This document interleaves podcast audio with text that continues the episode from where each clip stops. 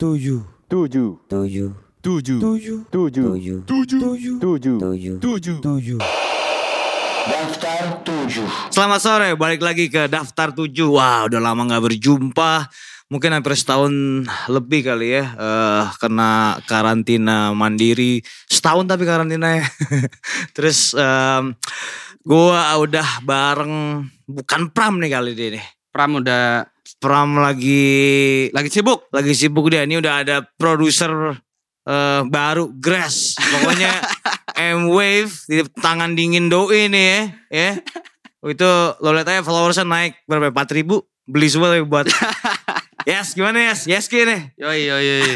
Gua gantiin Pram. Eh Pram lo ini ya. Jadi buat teman-teman eh, Pram eh, akhirnya memutuskan untuk fokus di dunia perkapalan yo. Gua dengar. kapalan gila Iya, jadi dia, dia katanya pengen eh, ini dia apa eh, buka perusahaan custom jangkar, jangkar Anjing. kapal. Jadi buat kapalan Ya, kali iya. beneran kapal otaknya kayak atau kapalan otaknya kapalan. otaknya kapalan Otaknya kali jadi kayak eh, udahlah katanya katanya gini kata pram gue ya lo lanjut aja itu dasar tujuh jadi kayak orang udah mau mati gitu tau lo kayak film-film yang gitu da, lanjutin daftar tujuh yuk ini harapannya ada di lo terus kayak wah gila gue bilang hancur gue bilang sama Yeski yes tuh lo liat nih kayak gitu ya Ya, udahlah dan dan mau kebetul- mau kita legacy kita Yoi. perpanjang ya Dan kebetulan juga banyak banget ini sih teman-teman yang ngechat kalau di M5 ya kapan lagi nih daftar 7, kapan lagi daftar 7 gitu. Gue sebagai produser langsung kayak ya udah eh Rio Pram ayo kita harus bikin lagi nih let's go gitu. Asik Bikin lagi, Iya, gue ya kan? sih gue sih mem- mem- memegang ini aja gue, sumpahnya pram aja gue. Yoi yoi. Untuk memajukan industri musik indie. Yoi. Dan ini daftar 7 muncul-muncul menurut gue eh, dengan topik yang eh, nyebrang ya. Nih ngehe nih Yeski nih. Ini ini ininya Rio nih clickbait banget nih. Wah, clickbait ya. Oke. Daftar 7 alien musik Indonesia. Gila. Apaan sih maksudnya anjing? lo so aneh deh lo. Lu soalnya. Enggak gue rasa gara-gara corona ya jadi aneh semua gak sih? Iya, iya, iya. Jadi awkward, awkward tau? Iya lah ya, maksudnya udah "Gua lah ya." awkward sih ketemu lo nih Yes. Eh, sama. Gue Awkward juga banget gue. Kayak ngomongin yang serius-serius gitu kayak aduh, udah lah ya. Kayak Iyalah ya. capek Ah. juga cuy. Kenapa Yes? Kenapa kenapa daftar 7 musik alien Indonesia? Kenapa daftar 7 musik alien Indonesia? Iya, sebenarnya Musisi ya ini ya. musisi iya.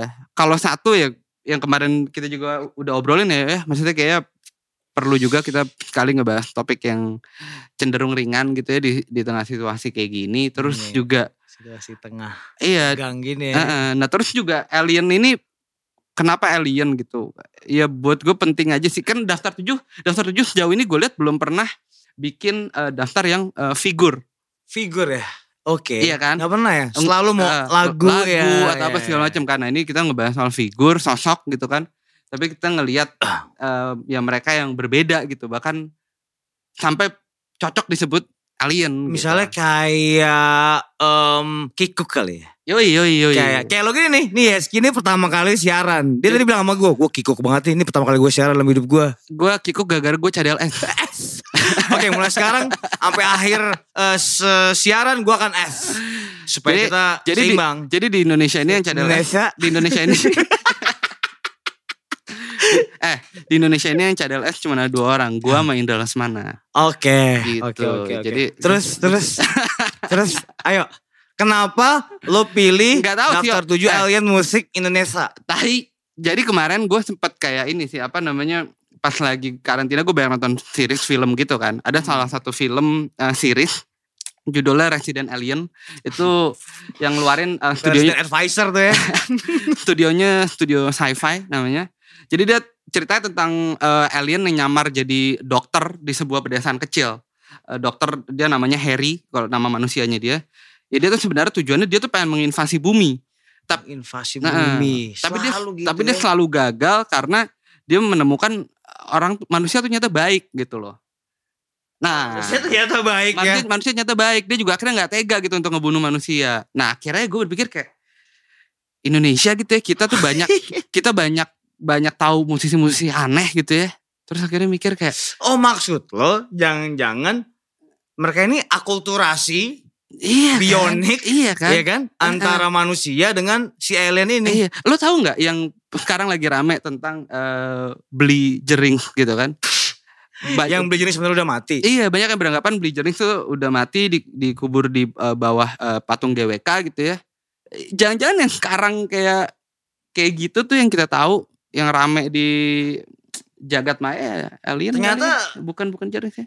Tahu Area 51. Ternyata ya menurut mereka Jerings itu sebenarnya lo tau gak psychological reverse jangan-jangan sebenarnya dialah agen global itu sendiri. Jangan-jangan. Dia menyuruh Benar, kita nggak pakai masker, benar. dia menyuruh kita jangan takut sama corona supaya mati orang-orang Ah. depopulasi berhasil lah misi dari Illuminati. ya nggak, jangan-jangan dia agennya tau nggak? Jangan-jangan, jangan-jangan.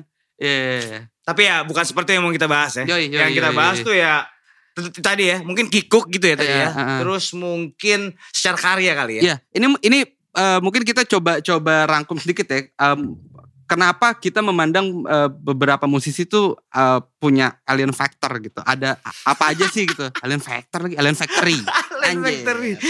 Ya salah satu tadi Pabrik alien Alien Factory. salah satu tadi yang kayak Rio bilang gitu ya. eh, kikuk gitu kan kayak orangnya antisosial. Iya, atau ya justru memiliki kecerdasan yang sangat tinggi. Tapi di satu sisi dia tuh sebenarnya Tapi kebanyakan orang tinggi. pinter Hmm. atau orang cerdas biasanya dia akan kayak gila, gue nggak mau eh gabung sama manusia, Ah, ya nggak? berarti lo lo cerdas atau enggak ya? Gue, Ah. gue suka kegelapan aja, menutup matahari gitu kan. Oke, apalagi ya introvert lah ya, Iya, iya, iya. introvert. Iya. Gue sih introvert banget ya, Iya. ya nggak? Introvert Banget. Introvert banget. Mental gue, iya. mental gue, mental gue terganggu. Ya itu itu itu tapi kalau misalnya kayak pribadi dia di luar panggung uh, dan di luar dari eh, gimana dia berkarya gitu. Tapi yang membuat dia alien juga sebenarnya adalah ketika dia dalam studio, dia di atas panggung Iya, gitu jadi kan. ya. Dia- Atau ya ketika ya Ketika- ya ya bersama teman-temannya nongkrong misalnya Iya, gitu. Mungkin dia orang-orang pada ketawa dia spacing out. Yoi, Dan orang yoi, pada spacing out dia ketawa sendiri. Iya. Kayak eh, Itu kan- kenapa? Iya, Jadi emang orangnya yang kontradiktif. Bisa Iya. jadi bisa nggak dibilang iya, kayak gitu iya, ya? iya, iya, iya. Orang yang Iya. sangat ya bukan sangat ya orang yang kontradiktif aja dengan dengan atau dia kata lainnya tidak bisa menyamakan ritme dengan kehidupan. Ah. Yoi, Kali yoi, ya. yoi. Ya, Nah, da- jadi nggak sama kayak metronom gitu. Iya, dan itu tercermin dari karya-karyanya. Banyak juga yang eh, nama-nama yang kita sebut sebagai alien musik ini Iya. karya-karyanya tuh eh, seperti tidak mewakili eh, zaman hari ini gitu ya. Iya. Dia seperti eh, ya visioner atau berhenti ya iya kan? iya di antara itulah. Back Ya, from the future atau eh, dia emang udah membatu aja betul dan betul. nggak ada yang salah nggak ada yang Iya, benar juga ah, ah. boleh-boleh Betul. aja gitu Iya, kan iya. dan mungkin absurd mungkin salah satu yang perlu digarisbawahi ya absurdism ini ya Pasti absurd. pasti Sisir, keberadaan alien aja absurd menurut gua Iya. gue salah satu orang nggak percaya alien Kenapa yo? di dunia ini Kenapa? ya karena kita umat manusia akan eh, mengisi satu galaksi dan kita adalah alien diri kita di masa depan human supremacy Oh gitu ya. Jadi iya jadi lo percaya lo tuh adalah supremasi manusia jadi lo percaya lo adalah pusat dari semesta. bukan Oh, bukan. bukan ya bahwa kita we're alone in this universe ya nggak ya, makanya jadi iya. absurdisme itu balik lagi tadi mungkin orang-orang yang absurd tapi gue tuh kayak nggak nggak nggak setuju sama gue loh Enggak setuju gue. Gak setuju. Terlepas dari ada yang namanya alien, apakah yang eh, dan sesuai atau enggak sama yang kita gambarkan gitu yang kita tahu. Cuman kalau gue masih membuka kemungkinan adanya makhluk lain di di luar kalau di dimensi yang bareng sama nggak ada tapi kalau di dimensi yang berbeda dimensi ada. apa nih yang lo maksud dimensi fisik atau dimensi, dimensi ya dimensi misalnya di dimensi yang nggak bisa kita lihat Oh, kalau itu beda dong. iya kan ya itu itu Kalau itu berarti kan ada. ul- ultra terestrial, ya kan? Iya ultra terestrial. kalau ekstraterestrial nggak ada Di luar di luar bumi. nggak ada. Kalau mau tahu lebih banyak itu M5 pernah bahas tuh ya. oh iya oh iya episode episode berapa gitu. Iya. Oke, apalagi ya yang kita kita bisa eh, validasikan sese- seorang musisi menjadi em, alien. Ini sih sebenarnya metode dia berkarya ya, cara dia menggunakan instrumen-instrumennya, eh, terus cara dia menulis eh, lirik, eh, wacana-wacana yang diangkat dari lirik, Wacana. Iya. Ya, presentasinya di atas panggung. Iya. Jadi gini, eh, mungkin ada beberapa nama yang eh, mungkin nanti teman-teman pas denger, kenapa nama ini nggak masuk, kenapa nama itu nggak masuk gitu. Eh, ada beberapa sebelumnya kan gue sama Rio udah bikin list cukup panjang ya, ya. tapi ada beberapa nama yang kita lihat, oh ini tuh dia memang eh, Nanti emang- kita sebutin ya, nanti Iya, kita sebutin. memang dia ya. secara effort eh, effortnya effortnya tinggi untuk menghasilkan estetika tertentu. Tapi kalau alien-alien yang kita sebut ini dia bu- bukan yang kayak seperti itu Berarti gitu. kita nggak bisa bilang nggak bisa bilang mereka itu seorang ya, tapi seekor alien. Se- Iya. Kan seorang alien. Iya, Iya nggak? seharus- harusnya sebuah kali ya mungkin. Sebuah ya. harus It ya. It. Iya, it ya. Oke, oke, oke. it lah, makan yes.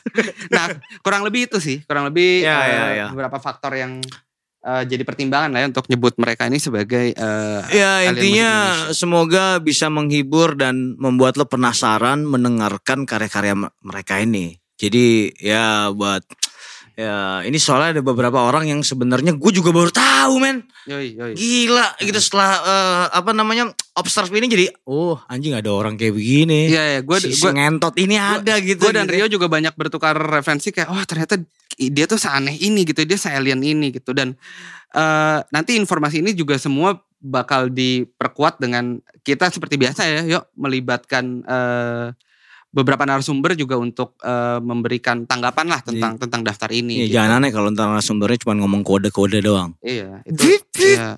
Itu rekaman ini pun nanti lo rekam, lo putar secara backward itu sebenarnya Nah, kode kode memanggil Yesus Eh, eh, datang. ke- ke- Wah. juru selamat ya. Oke, jangan-jangan kita alien diri kita sendiri. Jangan-jangan. Oke, kita mulai aja ya, Seh. Kebanyakan bacot loh. Siap. Oke.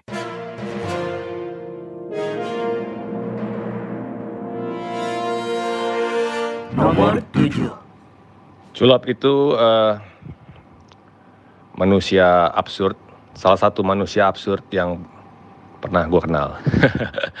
Eh, isi kepalanya cukup liar, eh, sungguh liar, kadang-kadang nggak realistis. Gue nggak tahu dia nyikat apaan bisa sampai kayak gitu. nggak nyikat apa-apa aja udah ajaib, gimana kalau nyikat.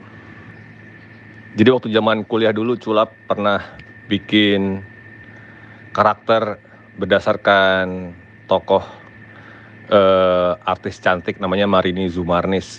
Cuman masalahnya gue lupa eh, nama tokohnya apa. Nanti mungkin lo bisa confirm lagi ke dia. Jadi Culap adalah salah satu tokohnya. Jadi Culap tuh nama nama karakter yang dia buat.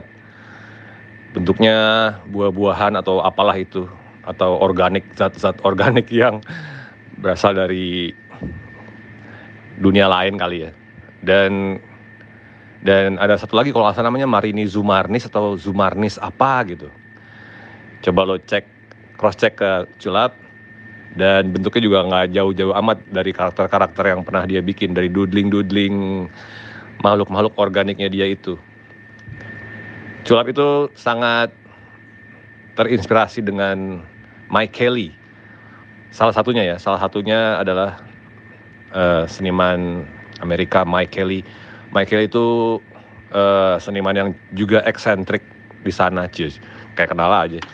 Eh, i- Kalau kalau pernah tahu album covernya Sonic Youth yang Dirty, yang gambarnya boneka itu, nah itu itu karya-karyanya Mike Kelly.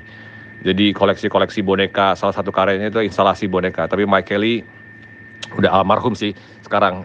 Itu salah satu seniman yang menginfluence eh, culap setahu gua ya. Jadi mungkin unsur-unsur keabsurdan, kekanak-kanakan boneka itu yang kayak Anggun ciptakan tuh mungkin terinspirasi dari sana. Nah itu tadi itu dari pandangan dari Batman ya. Batman ya. Rekan sejawatnya di, di Jadugar. ya. Itu mungkin eh, unit seni yang paling difokuskan sama Anggun sebenarnya bukan band ya, bukan si Bandempo Iya, ya. iya, iya, iya. Tapi si si Jadugar ini ya, dia seniman ya. Iya, Kita nggak bisa bilang dia, bukan nggak bisa bilang. Em, ya seniman bisa aja, bisa apa aja. Aktor juga, Iya. gitu kan? Yoi, dia seniman multidisiplin sebenarnya ya. film ya kan. Iya, Tapi iya. terutama film lah Iya, sebenarnya iya, film, iya, iya. terus juga karya seni rupa. Nah, makanya kita ta- eh, taruh dia di eh, pertama nih ya di nomor 7 ya memang karena eh, mungkin kita semua tahu eh, musik bukannya bukan yang paling utama lah buat Iya. Menurut gitu kan. Eh, Bukan- buat buat bukan- buat Anggun. Bukan periuk nasinya dia. Yoi, Nah, yoi. Ya? Jadi kayak itu periuk ekspresinya dia kan. Misalnya kayak eh Bandempo. Yoi, Gitu yoi, kan. gue Bandempo ya itu band yang sebenarnya lo harus cukup beruntung untuk bisa nonton Bandempo. Iya setuju. Gue Iya setuju. Gue Dia setuju. main berapa berapa tahun sekali? Setahun sekali aja enggak? Iya, gitu. gue setuju. Gue inget banget gue nonton eh, mereka di eh, acara School of Rock tahun 2013 di Oke.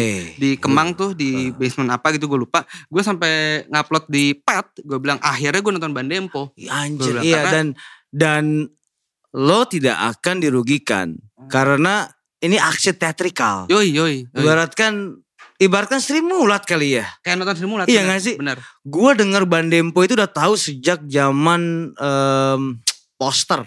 Iya. Itu ada band band band IKJ lah tuh gerombongan tuh Ejakulala Hmm. Vampira terus main di eh, bakar-bakaran segala macam.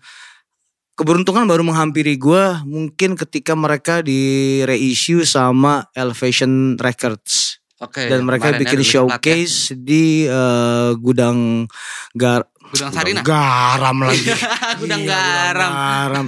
gudang Ruru Sarina Oke. jadi di situ gue nonton kayak oh ini Anggun nih datang terus mereka ini eh Anggun tuh nari-nari Hah? mengelilingi penonton sambil niupin balon cair yang buat anak-anak itu Anjing, aneh banget. jadi kita kayak hujan balon cair gitu epic nggak Anjing, aneh banget menurut sih. gue ah Iya, hancur wah musiknya bagus atau tidak gue nggak penting buat gue Betul, betul. Tapi akhirnya eh, akhirnya gue bisa melihat karakter kekanak-kanakannya eh, Nah, Anggun Iya, ya iya. enggak? Itu itu itu yang selalu ada di eh, Anggun ya, Anggun Prembodo. Apalagi kalau kita ngomongin dia ba- bahkan dari film-filmnya, dari karya-karyanya. Kemarin yang terakhir yang lu datang tuh yuk pamerannya dia kan ya. Oh Itu iya kan monopoli ya. Monopoli itu juga ya. terinspirasi berarti dari permainan kan anak-anak Iya, gitu kan. Gue gue nah ini ini tahan nih gue baru kepikiran ya. Ah. Kemarin baru gue baru ngobrol mengenai kita ini sedang kekurangan lagu anak-anak modern. Ngobrol sama siapa lo? Ada lah pokoknya dari gang sempit ya nggak? lelaki gang sempit pokoknya adalah gitu kan. Dia bilang katanya kita ini kekurangan lagu-lagu anak-anak modern. Heeh. Terus gue pikir kalau Anggun bikin lagu anak-anak lo pikirin gimana? Iya, ya sebenarnya Pas dong. sebenarnya pergi liburan gitu kan. Permen tukaran. Awas ada kereta. awas ada kereta itu mung- mungkin kalau di kalau di aransemen ulang bisa jadi lagu yang bagus buat lagu anak-anak Jadi kecuali lagu PDKT 6 bulan ya Jadi udah udah melendung 6 bulan baru PDKT-in. Iya. Gimana tuh? Baru tahu. Ah, lu lu wah, ini nih lo isian. Gue deketin deh.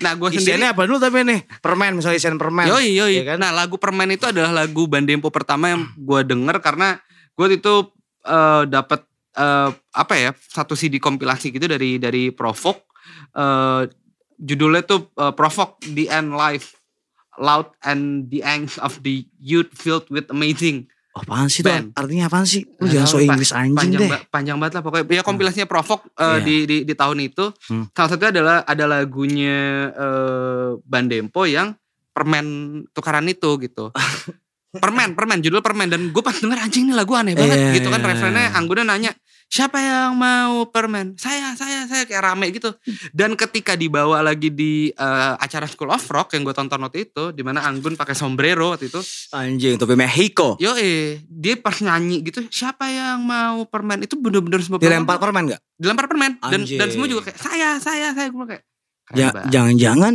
sebenarnya bukan permen tuh. apa Kadang-kadang musisi aneh suka menganalogikan sesuatu menjadi hal yang eh, keseharian gitu. Padahal itu subliminal. contohnya apa tuh Misalnya yang ditebar tuh yang ketika dia menulis lagu dia lagi nggak nebar ke orang-orang bukan permen tapi em, apa misalnya pak biji kelereng gitu Mungkin, misalnya mungkin. atau misalnya biji lo atau misalnya em, eh, uang koin angpau apa pun. apa pun itu tapi yang Apa pun. pasti di eh, akhir lagu eh, permen Anggun tuh meringis lagi lagi lagi. Permen apakah itu? Permen yang bikin bikin. Oke Yaudah, oke. eh kalau awkward gitu? Tenang bray. Anjing, tenang, aku tenang banget jangan kayak pemakan permen gitu deh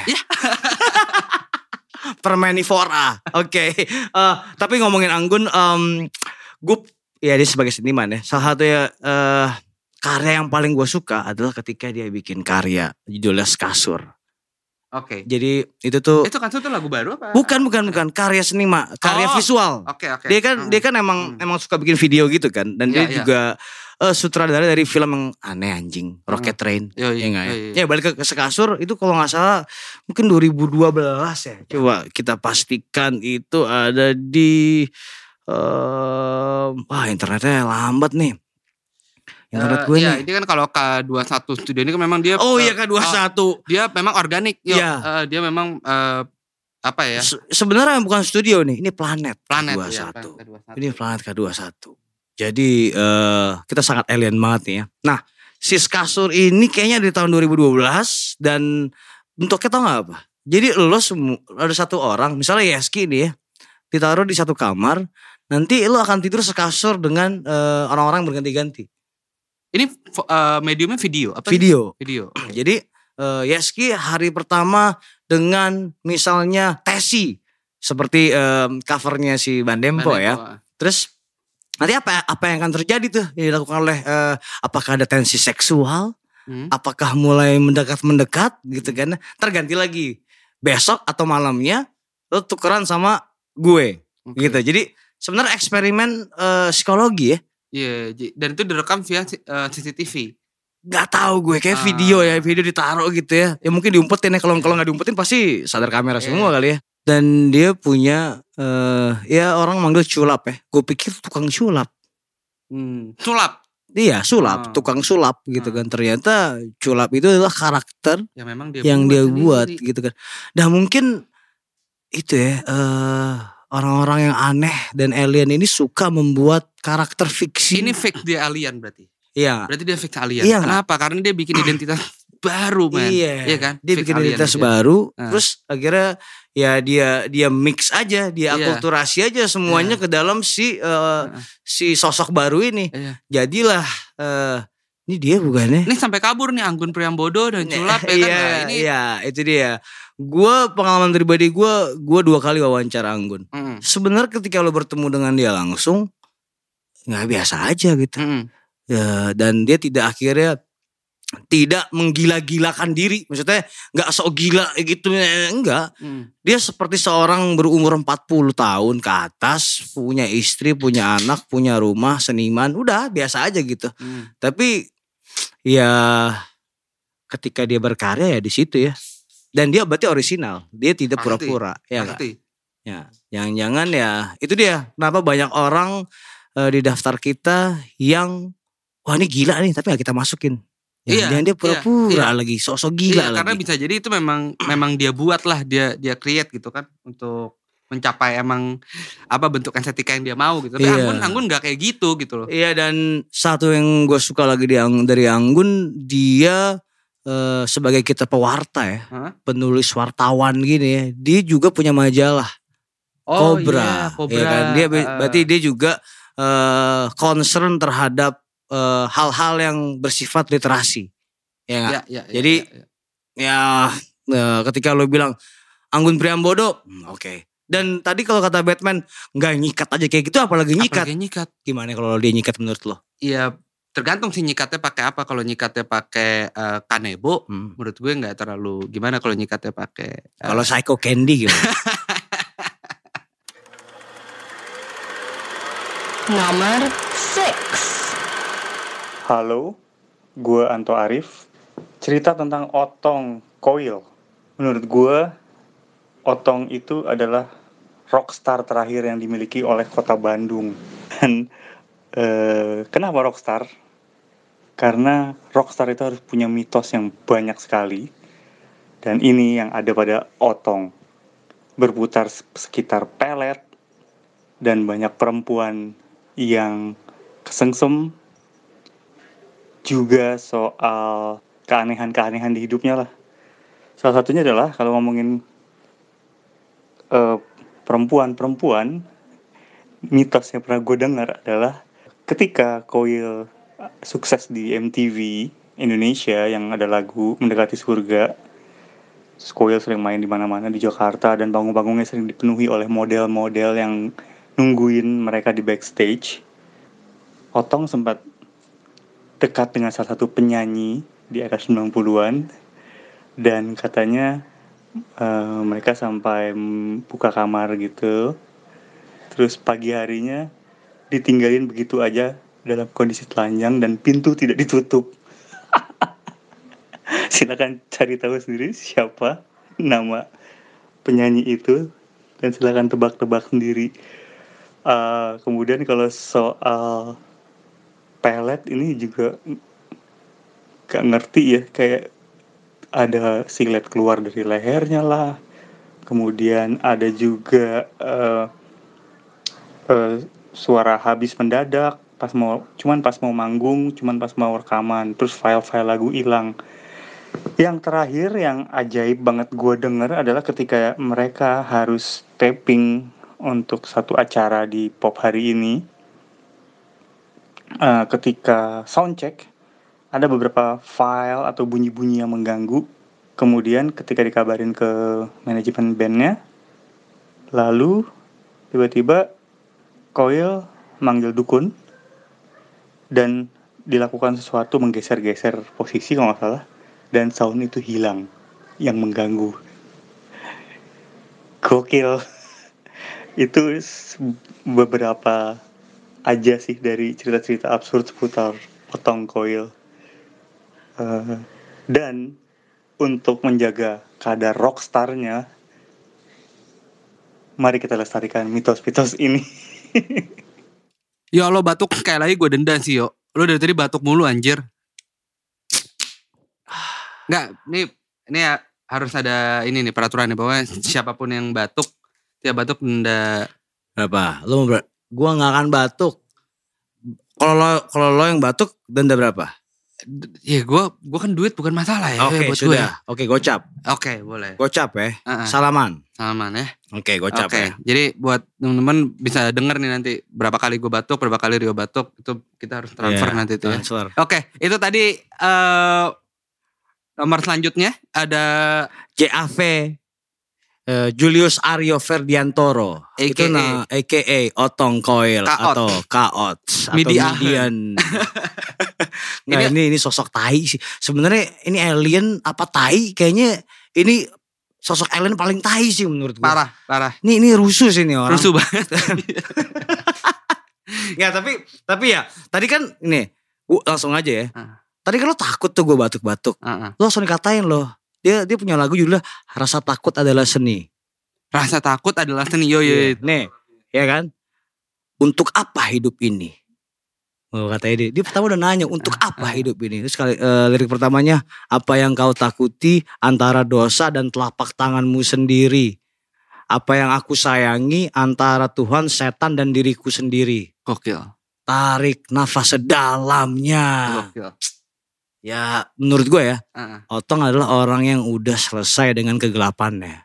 Jadi Gimana tuh ya Maksud maksudnya? gue kalau lo lihat lirik-liriknya Otong itu pasti tentang kesendirian. Kesepian ini adalah abadi, ya kan? Hmm. Lalu ada kita bisa diselamatkan Mm-mm. di bawah kolong langit. Tidak ada yang dap eh Tidak ada yang Nah, itu kan dari dari ayat. karena itu memang eh, kutipan dari khotbah gitu Khotbah. karena Dia dimasukin kan- di intronya Iya, Megalopolis iya. ya. Gua- mungkin dia seorang Kristen yang murtad kali Iya, ya. iya, Ya karena setahu gue Otong tuh gonta-ganti agama. Kadang-kadang Oh, iya? Kristen, Hmm. masuk Islam. Kristen sekarang nggak tahu. Terus sekarang kemarin kemarin, kemarin gue sempat ngobrol sama ada lagi pemuda dari Gang Sempit dari Bandung. Dia bilang Otong mah agamanya satanik. Gua kan. ya tapi jadi ya eh, dia bisa jadi gila kayak gini. Em, gua rasa karena eh, dia udah selesai sama kegelapannya. Oke. Ya gak sih? Iya. Jadi orang humoris. Benar benar benar benar. Dia udah dia udah nggak ngelihat apa namanya kegelapan tuh sebagai sesuatu yang menakutkan. Dia ketawain aja gitu hal-hal itu Makanya gitu. rasa takut adalah seni tau gak? Iya iya iya benar. Lagu terbarunya Rasa takut adalah santet. Kira rasa takut adalah santan.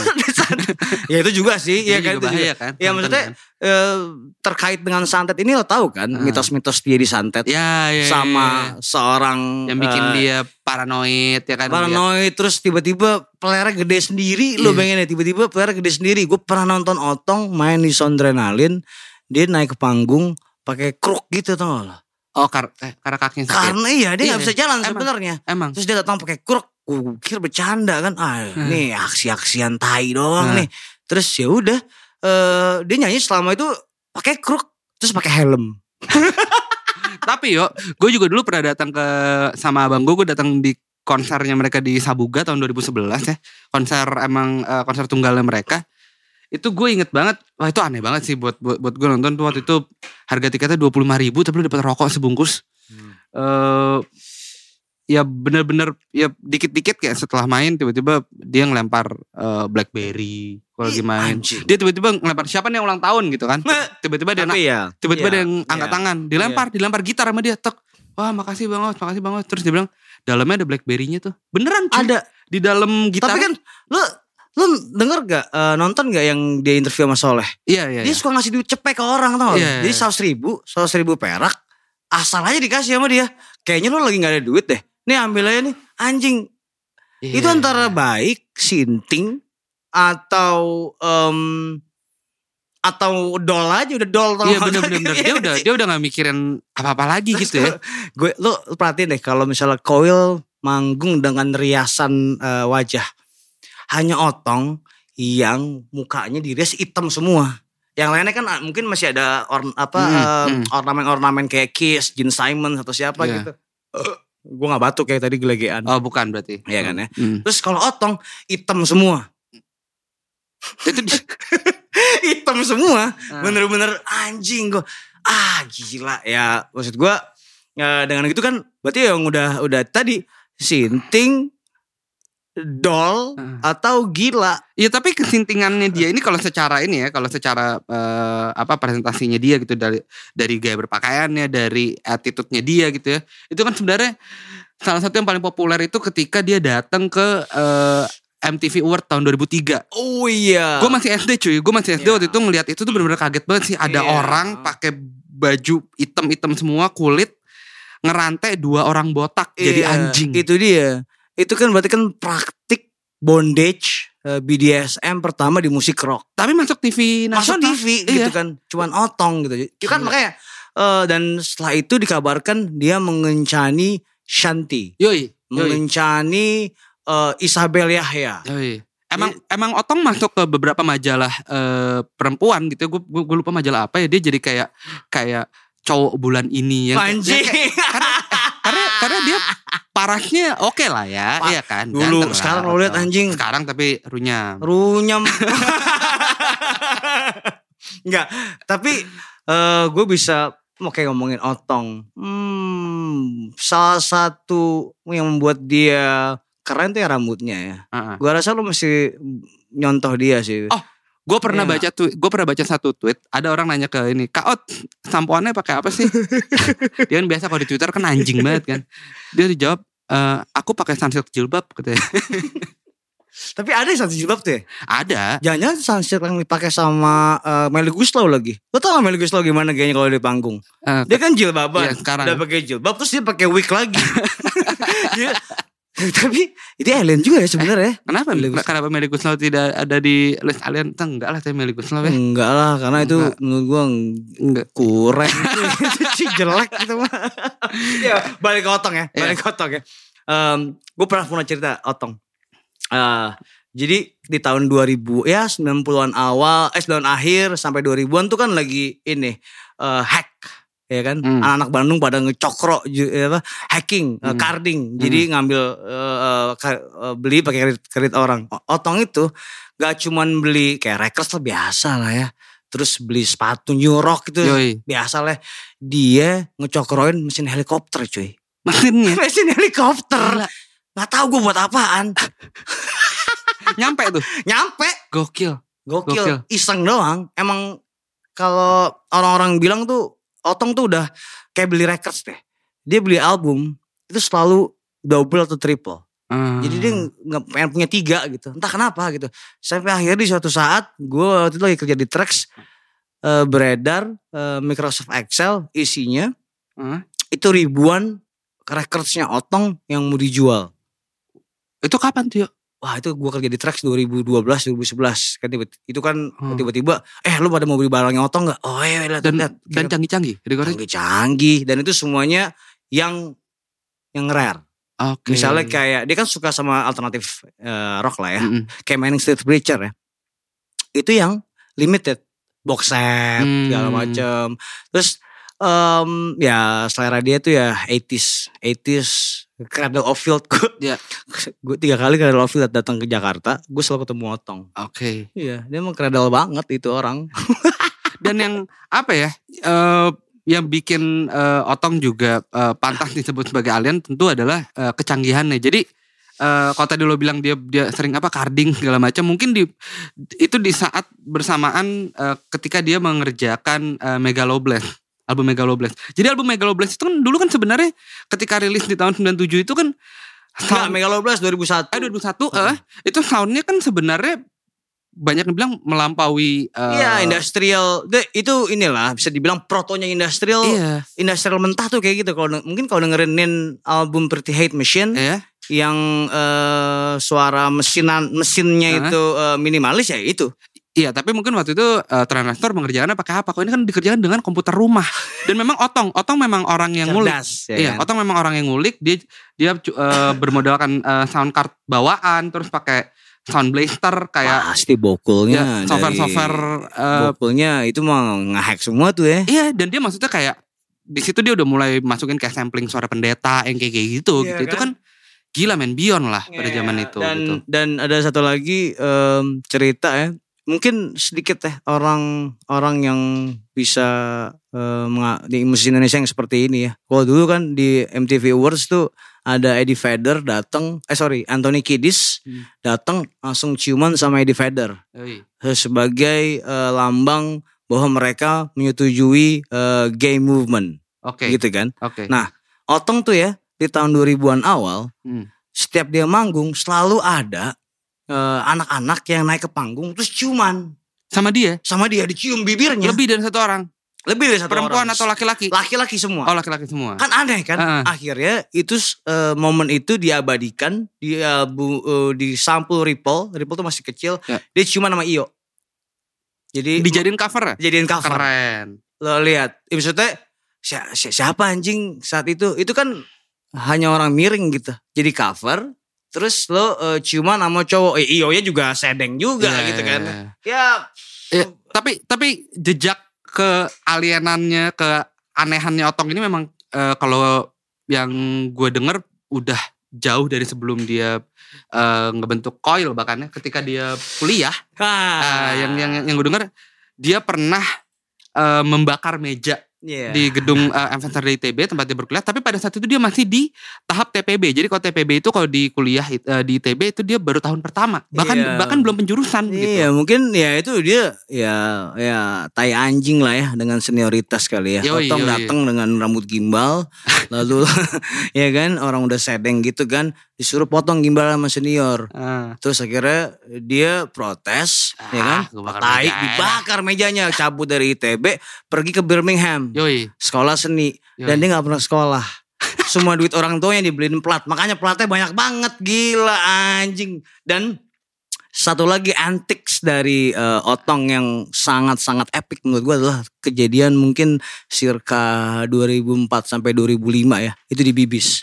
Oke Jadi waktu itu ada satu pesta private Hah? yang bernama Caligula. Nama, Wow. nama party itu Caligula oh, kan. Regini ya Jadi orang, orang udah pada telanjang, Nah. nari-nari segala macem gitu kan ya. Nah, semua orang beli bir kan. Tapi Hmm. karena pack, bibis itu kalau kita bisa bayangkan itu ruangannya mungkin cuman segede em, kamar lo lah. Iya. Kamar lo semua lah segede kamar. kamar gue kurang lebih kayak eh, satu eh, ya kurang lebih se- satu hektar kamar gue tuh ya kalau teman-teman mau bayangin banget dong. Hmm. Kalau kamar gue itu empat kali empat, oh, kayak kamar bui. ya udah, jadi masuklah semua orang Hmm. kan. Lu beli bir, bir lu diminum orang gitu kan. Bir lu beli bir lagi, otang beli bir mulu, minum, birnya diminum orang. Di, anjing, otang kesel dong. Ah, Akhirnya sama dia, dia beli bir, dikencingin sama dia tuh eh, gelasnya, diminum lah. Kisiaan minum. aduh Ya kan? Abis itu, abis itu dia oh habis asik kena tuh. Dia dia ambil gelas kosong lagi, dikencingin lagi, dikirain bir kan, diminum lah. ini sama Iyo. kencingnya banyak juga tapi Iya, ya. kan namanya juga beser Oh, ya iya, kan. iya, iya. Oh, iya, atau enggak ada yang kental-kental dikit juga. habis itu, habis itu udah kan diminum kan. Hmm. Sampai akhirnya eh, kalau nggak salah Ricky deh. Pas dia minum, anjing, ini bukan bir nih. Ini apaan nih? Terus anak-anak mungkin ada yang nyeletuk. Itu bir, birnya otong. Ngamuk lah. Otongnya di mana pas saat nah itu? saat itu otong udah cabut pulang. Jadi dia habis si anjing. dia nih dia ini kan musang juga tuh Iya, ya kan iya, iya. abis ninggalin cek cabut dia kan cabut di telepon tong lo balik tong ini anak-anak pada kesel lo ngasih air kencing ke bir datang lah dia terus eh, oke Rick lo mau apa Eh sama eh, Ricky sama Iyo yang marah waktu itu nggak salah terus akhirnya oh udah lo mau balas ya dipukul nih dipukul oleh otong.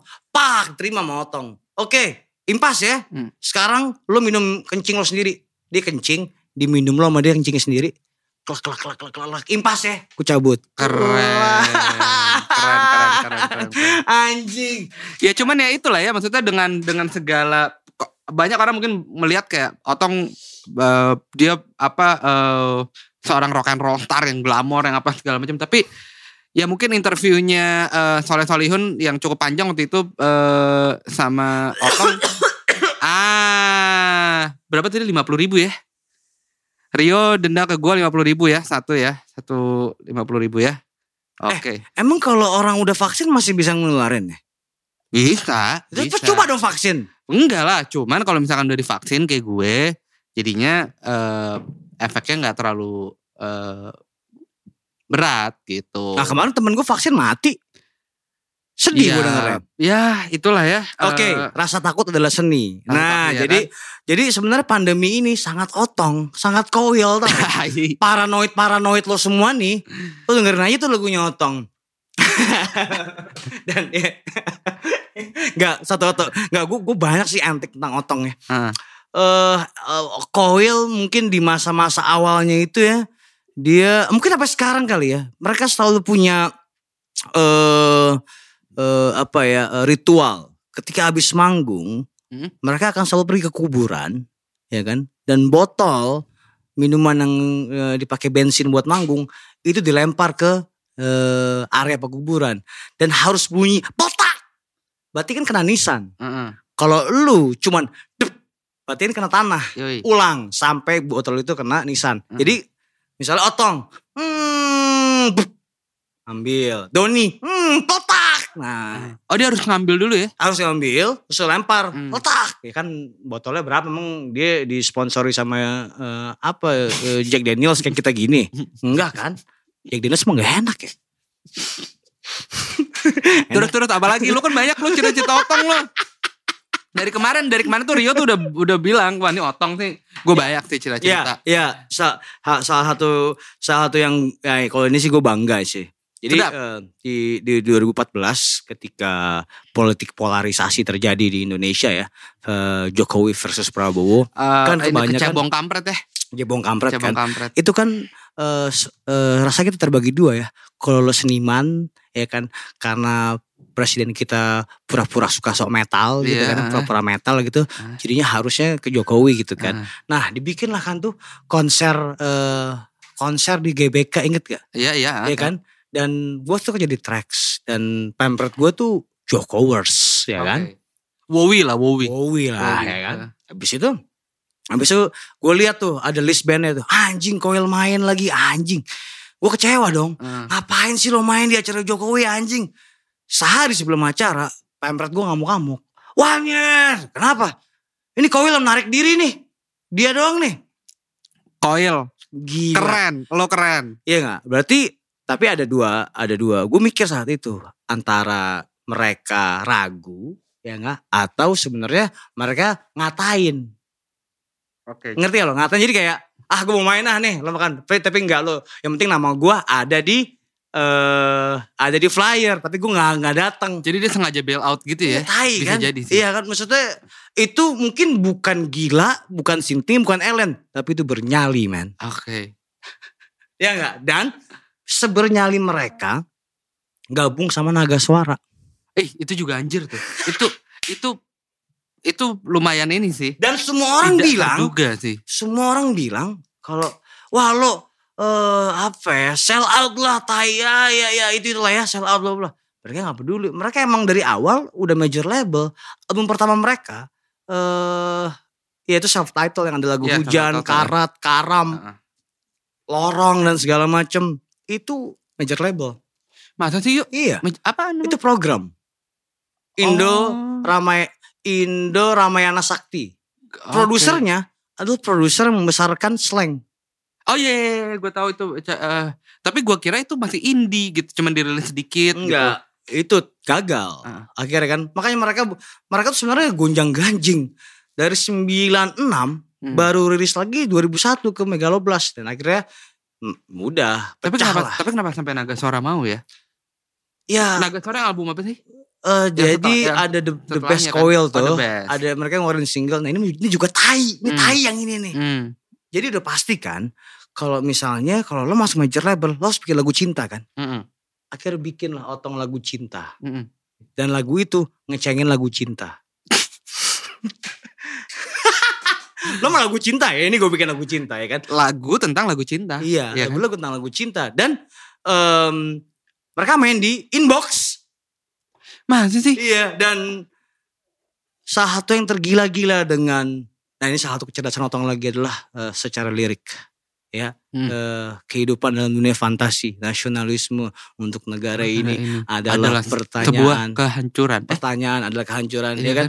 Ahmad Dhani akhirnya eh, memaksa-maksa untuk mau featuring di lagu itu merekam ulang bareng Koil. Jadi secara hmm, gua rasa otong kalau misalnya dia hidup di tahun eh, 41 42 dan menjadi seorang penyair yang bikin propaganda kemerdekaan Hmm.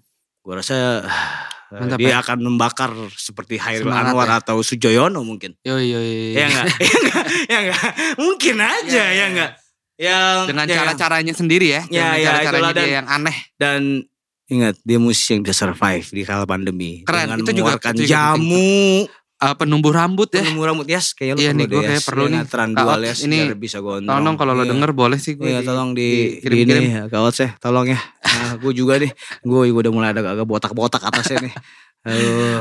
Oke, yuk kita masuk ke nomor selanjutnya kali ya. Oke, eh, Tong, lo eh, kita validasikan dan kita ketok palu ya Yoi. sebagai alien Lo, Iverson. Kalian, yoi. Nomor 5 Future Collective menurut gue adalah salah satu unit musik paling original yang dimiliki Indonesia setidaknya dalam satu dekade terakhir. Mereka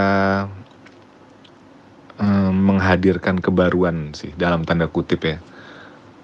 Karena sebenarnya apa sih yang baru gitu di bawah sinar matahari ini. Bahkan gue yakin juga personelnya Sawi dan Tidak juga sadar gitu bahwa nggak ada lagi yang orisinal di dunia ini dan mereka pun secara musik juga terang-terangan mengambil apa yang udah ada di luar sana dari dekade 60-an, 70-an. Mereka mencomot apa yang mereka suka. Eh, itu sih istimewanya Future Collective adalah bagaimana mereka tahu apa yang mereka suka. Mereka tahu apa yang bisa diambil dari musik-musik yang mereka suka yang kemudian dipindahkan ke sebagai inspirasi untuk eh, karya-karya orisinalnya Future Collective. Jadi si apa ya metode salin tempel, amati, tiru, modifikasi apalah itu itu mengalir deras di Future Collective. Dan ini baru bisa menurut gue ya, baru bisa works kalau musisinya memang ngerti, memahami betul apa yang mereka sukai. Tapi gue bisa melihat bagaimana secara kepribadian itu Sawi sama Tidak sebenarnya dua orang yang bertolak belakang sih. Eh, tidak mungkin lebih kalem ya. Gue nggak tahu juga nih apakah karena gue nggak terlalu dekat sama Tidak. Sementara Sawi adalah orang yang bisa dibilang ngawur, ngeyel, susah dibilangin gitu. Jadi sejujurnya gue eh, sempat heran sih, wah gila tidak kuat banget nih sama Sawi. Eh, dan gue kan juga satu band sama Sawi ya di Crayola Ice dan itu gue masih punya ada personel lain lah yang bisa ngedukung kayak argumen gue terhadap Sawi. Nah kalau si Tida ini kan sendirian ya sama Sawi, one on one gitu. Nah tuh gue kayak, wah gila gimana tuh ya ngomongnya gue kayak sempet bertanya-tanya gitu karena si Future Collective itu waktu itu sampai udah ngerilis dua album kan jadi eh, sempet kayak hebat juga nih tidak memanage mengelola sawi untuk untuk nulis lagu gitu gue bahkan sampai kepikiran juga oh ini mungkin karena kepribadian mereka berbeda-beda bertolak belakang banget jadinya ya kayak saling melengkapi kayak puzzle ketemu puzzle yang pas gitu Eh, jadinya ngebentuk future kolektif yang memang secara dinamika juga pas Nah, itu tadi eh narasumber termuda ya. Ah masa sih? Iya dong ya. Reno. Iya. Umurnya 34 termuda tuh ya. Di di di tujuh daftar ini nanti ya. Iya, Narasumber termuda untuk eh musisi termuda yang kita pilih, musisi alien termuda dalam daftar ini. Tapi menurut gua mungkin juga bisa dibilang yang paling eh, sahih. Iya, iya, iya. Iya enggak? Kenapa tapi? Feature Collective adalah eh, duo eh, musikal elektronik tropicalia pop ya Hmm. yang eh, hampir sama seperti Bandempo. Gimana tuh? Gimana tuh? Hanya keberuntungan saja yang bisa membuat lo eh, menyaksikan eh, aksi panggung ya. Cukup jarang nggak Future? Iya, ada Iya saat nggak? ada saatnya sih sebenarnya ketika eh, kolektif Studio Rama dulu eh, lum- Ya awal-awal ya, ya, lumayan, kan. lumayan sering lah Belum mengandalkan segede sekarang Studio Rama nih ya. Iya, iya. Belum ada Rocky Putira di Studio Rama. Iya, se- eh, sebelum zaman eh, Rocky Putirai, eh, ini Sawi, Sawi, karena iya. Sawi dan Tida ini yang banyak di eh, highlight. Dan yang gitu. lucu ya, gue pernah main ke kantor Studio Rama ya. Mm. Gitu kan terus, eh passwordnya apa nih? Password wifi, Sawilio. Anjir, rusak-rusak gitu. dan, dan dan itu membuktikan bahwa kenapa yang dipilih Sawilio? Eh, Mungkin dia yang paling aneh di tongkrongan itu ya. mungkin Di kolektif mungkin. itu ya. Iya. Dan future kolektif. Kolektif masa depan. kolektif masa depan. Ya kan, menurut lo em, seperti kata Reno tadi, dua kepribadian yang disam yang disambungkan ya, yang bersetubuh bareng bikin musik akhirnya eh, membuat em, satu komposisi yang bisa dibilang datang dari mungkin ribuan tahun kecepatan cahaya kali ya.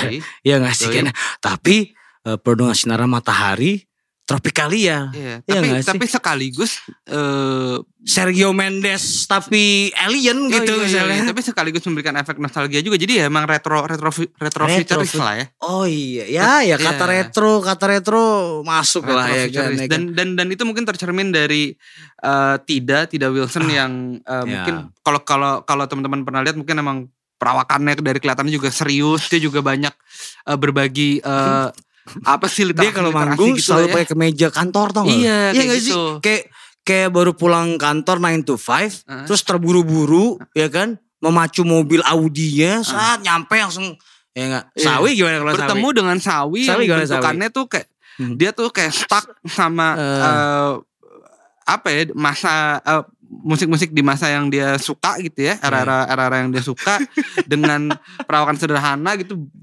Bahkan bukan apa adanya lagi itu itu udah.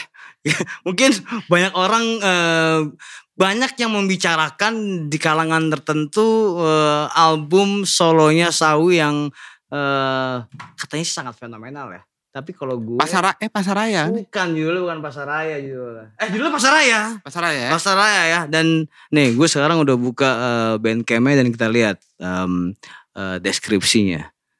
A time bomb, torch, the phantasmagorical. It is a night right above the swirling sweet hillsides. Maksudnya apa sih? sawi sawi The trick aduh. and a transport, a distant left, not a thrill left to be. Apa maksudnya? gue yakin dia juga udah lupa nih ngetik ini Apa? Apa maksudnya coba? Hah? Ya enggak? Ya enggak? ya itulah Ya, terus sekarang kita dengerin musiknya kebanyakan adalah landscape. yoi Seperti kita dengerin Unfamiliar Landscape judulnya. Eh, gue, nah, gue sama Sawi eh, cukup dekat lah ya. Ah. gue sama Sawi cukup dekat. Gue pernah eh, ada satu masa mungkin circa 2014, circa 2014 sampai 2018 ya. Itu gue eh, di tongkrongan gue Sawi selalu datang hmm. kan ya dia datang selalu kan lo tahu kan selera gue hard rock heavy metal classic rock gitu kan ya. Hmm, hmm. nanti ketika nongkrong ya dia akan pas nongkrong nih dia kan gini di, di ujung nih. Yeah, rock banget, rock banget. Judas Priest, Judas Priest. Max Cavalera, terus diam. Gue kan gak ngerti kan, gue kira dia suka gitu kan nama heavy metal nih awal-awal Iya, kenal dia. iya. Nyah, Pantera. Nyah. Ulang ini kenapa sih? Lu kenapa sih tahu udah diem? Akhirnya udah dia nggak tahan kali ya dengerin dengerin distorsi heavy gitu ya. Dia maju, set langsung dimatiin tuh eh eh, Spotify-nya jebret. Diganti lah mulai lagu-lagu jazz jazz Karibia. Iya, iya, iya, iya. Ting ting ting ting ting ting terus saw jazz dan oke lah kita kan orang-orang pelacur ini ya pelacur telinga ya. Jadi ya sudahlah kita nongkrong sambil ngobrol bla bla bla bla bla. Sepanjang malam dia akan menguasai playlist. Jadi anjing lo tahu jazz mulu. Oh, lo nggak jazz bosa gitu kan. Hmm. gue ganti lagi lah jebret. Padahal nggak metal metal juga tadi sama lagi kayak gitu tuh. Nyah, nyah, rock rock. Bilang anjing juga nih orang pernah juga tuh gue ajak gue pernah juga waktu itu bikin eh, program gitu buat satu hotel di Kemang. Jadi gue tiap minggu harus eh, ngajak eh, beberapa DJ atau selector untuk main gitu. Tapi kan tempatnya kayak lounge gitu kan. Gue nggak tahu gue kesirep apa waktu itu gue ngajak Sawi cuy main di situ. Untuk kayak sunset sunset gitu sore gitu. Wah lagunya nyebrang nyebrang banget men. Ya, gue sampai apa, apa? Bisa apa apa, ya? Gue nggak tahu sih lagu-lagu eh dia pernah muter tuyul dan Mbak Yul kalau lagi nge-DJ loh lo bayangin aja untungnya nggak sampai segitu sih anjing Eh. dan gue inget teman gue cerita ada eh dia lagi main di Slits ya lo tau lah Slits Iya, kan iya, iya. kayak apa sih musiknya main di Slits Iya. Gentle Tuesday Iya, iya, ya iya, kan iya. yang ya yang- kalaupun bebas tapi tetap yang elegan, iya. yang classy, ya Ah. kan? Dia datang bawain Season in the Sun, versi The Kingston Trio. Berarti kan itu kan lagunya ini kan. Aduh itu seratus ribu ya itu rokok, eh, itu seratus ribu eh, Rio utang ke gue lanjut Kingston, Kingston Trio itu adalah or- eh, eh, trio dari Jamaika yang memainkan musik eh, ini hillbilly, oke hillbilly country gitu, Oke. pakai banjo gitu. dan, tiba-tiba suasananya jadi kayak Bo- gimana semua orang pada nyanyiin. keren ya itu itu tapi kan Sawi Lia. itu tapi itu sawi Iya kan? itu Lo udah, udah pernah nonton dia manggung sama ini belum? Siapa? Crayola Ice kayak gimana? udah udah Ya kan? udah Ya kan? Dengan agak samar-samar di belakang, Yoi. dengan selera fashionnya yang sangat em, em, apa ya? Kebenyamin-benyaminan gitu. dokem, aja kan Dokem, terus dia pernah dia dia dia selalu pakai sendal Betawi itu tau gak lo? Yoi, Sama peci, Hmm. sama baju baju batik kadang-kadang panggung. Dia cuman tet, ketut keyboardnya tet. Gue mikir ini daya daya magis apa yang sedang diberikan Sawi kepada Crayola?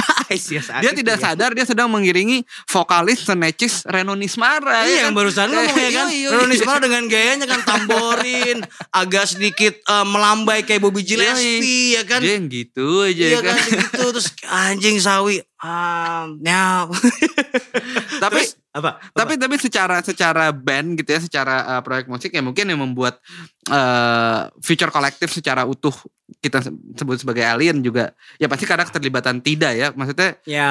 uh, Iya ya. kayak tadi yang Reno bilang gitu tidak semua orang bisa uh, tahan uh, berlama-lama untuk uh, apa namanya menjalankan proses Bercengkrama. bercengkrama menjalankan pro- menjalani proses kreatif proses bareng kreatif, bareng uh, sawi gitu ya kan tapi kenapa Mungkin Reno aja udah muak kali Reno Iya. Tapi Gimana? Kenapa, kenapa tidak bisa itu ya itu keunggulan dia Ini juga, harusnya ya kan? Pram yang ngomong tau gak lo? Iya, Karena iya, iya. Pram adalah manajernya Crayola Ah. Dia harusnya pasti tahu bagaimana kelakuan antik dari uh, Sawilio. Pram lo jangan kebanyakan ngurusin kapal. Ini ini ini band lo harus diurusin Pram. Iya ini gimana nih Pram? Ini udah berapa tahun nih? Ini udah berapa, berapa Mana? tahun nih? Aduh, albumnya mana? Al- coba? album cuma Seven Inch dua uh, lagu yang gambar depannya cewek itu tuh yang rambutnya Iya, pendek. Iya. Iya kan? Aduh, itu terus itu lagunya. terus, Aduh. itu terus.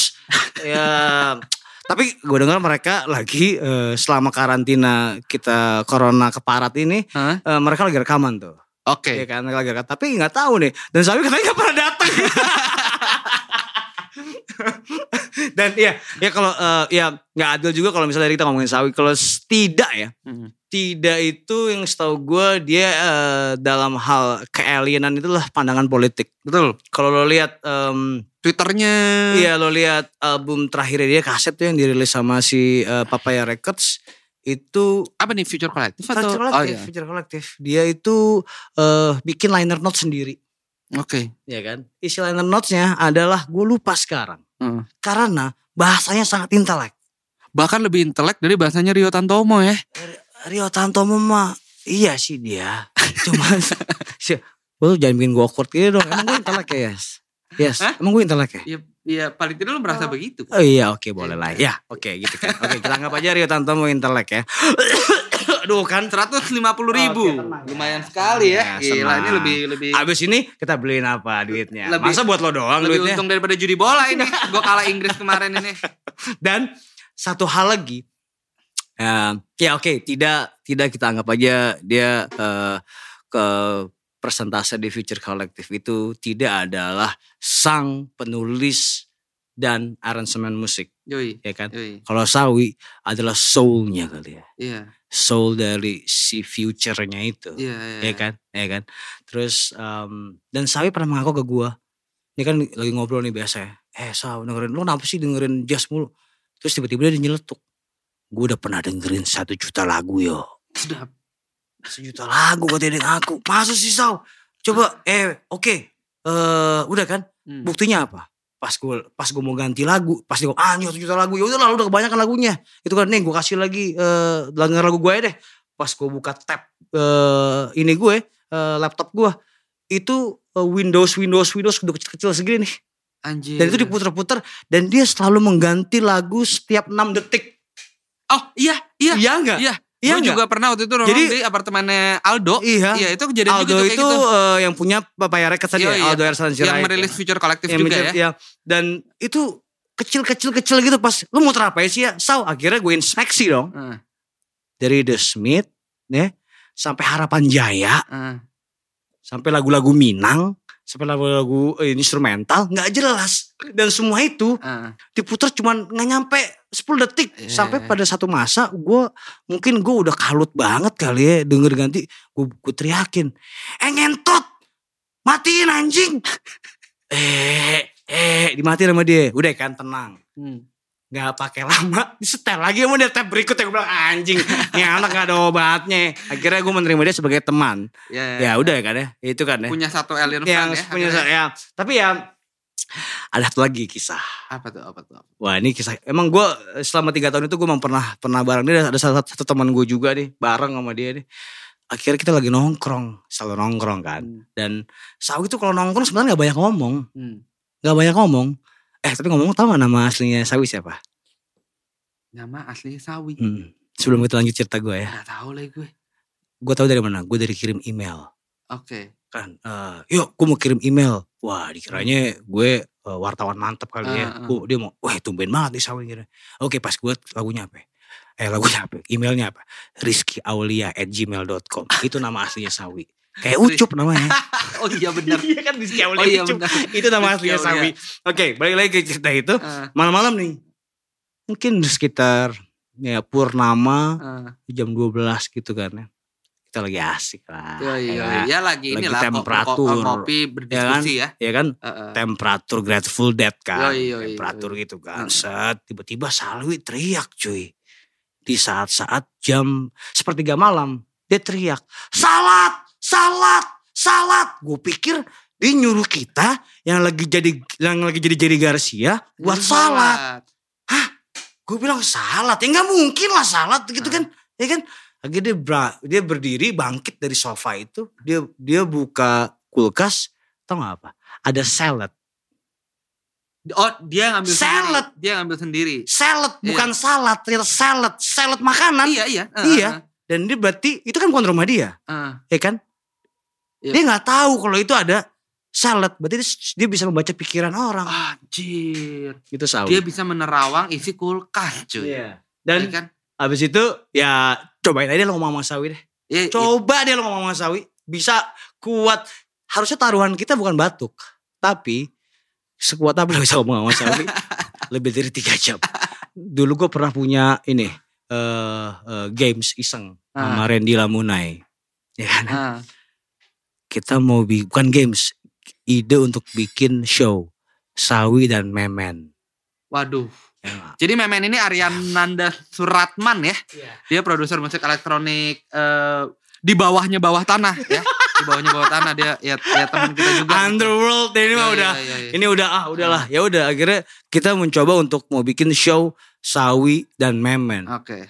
Akhirnya nggak terjadi lah karena susah juga ya gabungin minus sama minus gitu kan ya. Tapi coba lo bayangkan kalau itu terjadi apa yang akan terjadi? Apa yang akan eh, kita alami?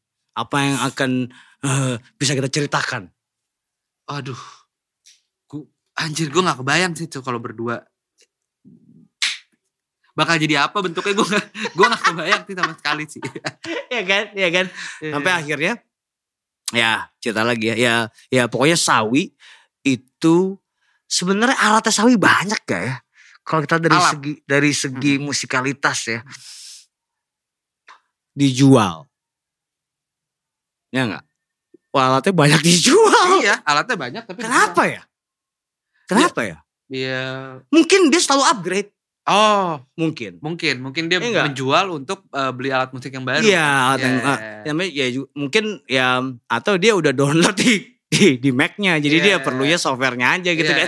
Mungkin aja tuh dia memang leb- udah lebih lebih fokus sama sederhana aja kan kayak gue liat juga lebih makin ke sini makin disimplify ya per, apa performance-nya eh, Future Collective gitu kan. Tapi lo tau nggak Sawi pernah jadi eh, musik director di The Majors Radio? Oh ya? Iya. Dan The- mungkin jangan-jangan The Majors Radio sukses sampai hari ini gara-gara Bukan, dia dipecat Nggak ya? abis itu. karena karena ya gue nggak tahu apa alasannya. Hmm. Tiba tiba-tiba gue datang sana, Sawi udah gak kerja lagi. Kagak, kenapa? Keluar. maksud gue, maksud, itu kan aneh gitu ya. Iya. Itu sebuah kerugian besar buat The Majors Radio. Iya. iya. Untuk gue kehilangan Sawi. Kehilangan Terus Sawi Sawi di museumin aja. Bener, Cocok kalau dia di museumin. Dibikin patung di Madame Tussauds tuh cocok sekali. Oke, Oke. kita next kali ya ke daftar kali ya. selanjutnya. Sawi no offense taken ya, Sawi Ya, ya. nah, Kita- Sawi eh ya udah. Ya udah lo, emang, lo emang kayak gitu anjir. Selamat wah, bekerja dia bekerja di pasar Santa. Jadi kalau lo penasaran sama em, spesies satu ini, Hah. to weird to live, to rare to die. Iya enggak? Ini namanya Sawilia ini datanglah ke pasar Santa. Heeh. Dia menjaga sebuah toko eh pernak-pernik lah ya. Yoi, yoi. Ya, namanya Holo Moholo, Oh ya? Molholong. Kayak bahasa Batak aja. Iya benar, itu punyanya bekasnya wasit Speedkill. Oke. Jadi lo datang ketemu Sawi dan lo ajak ngobrol deh. Oke. Ya udah Rio, Selamatkan. langsung lanjut ke daftar selanjutnya.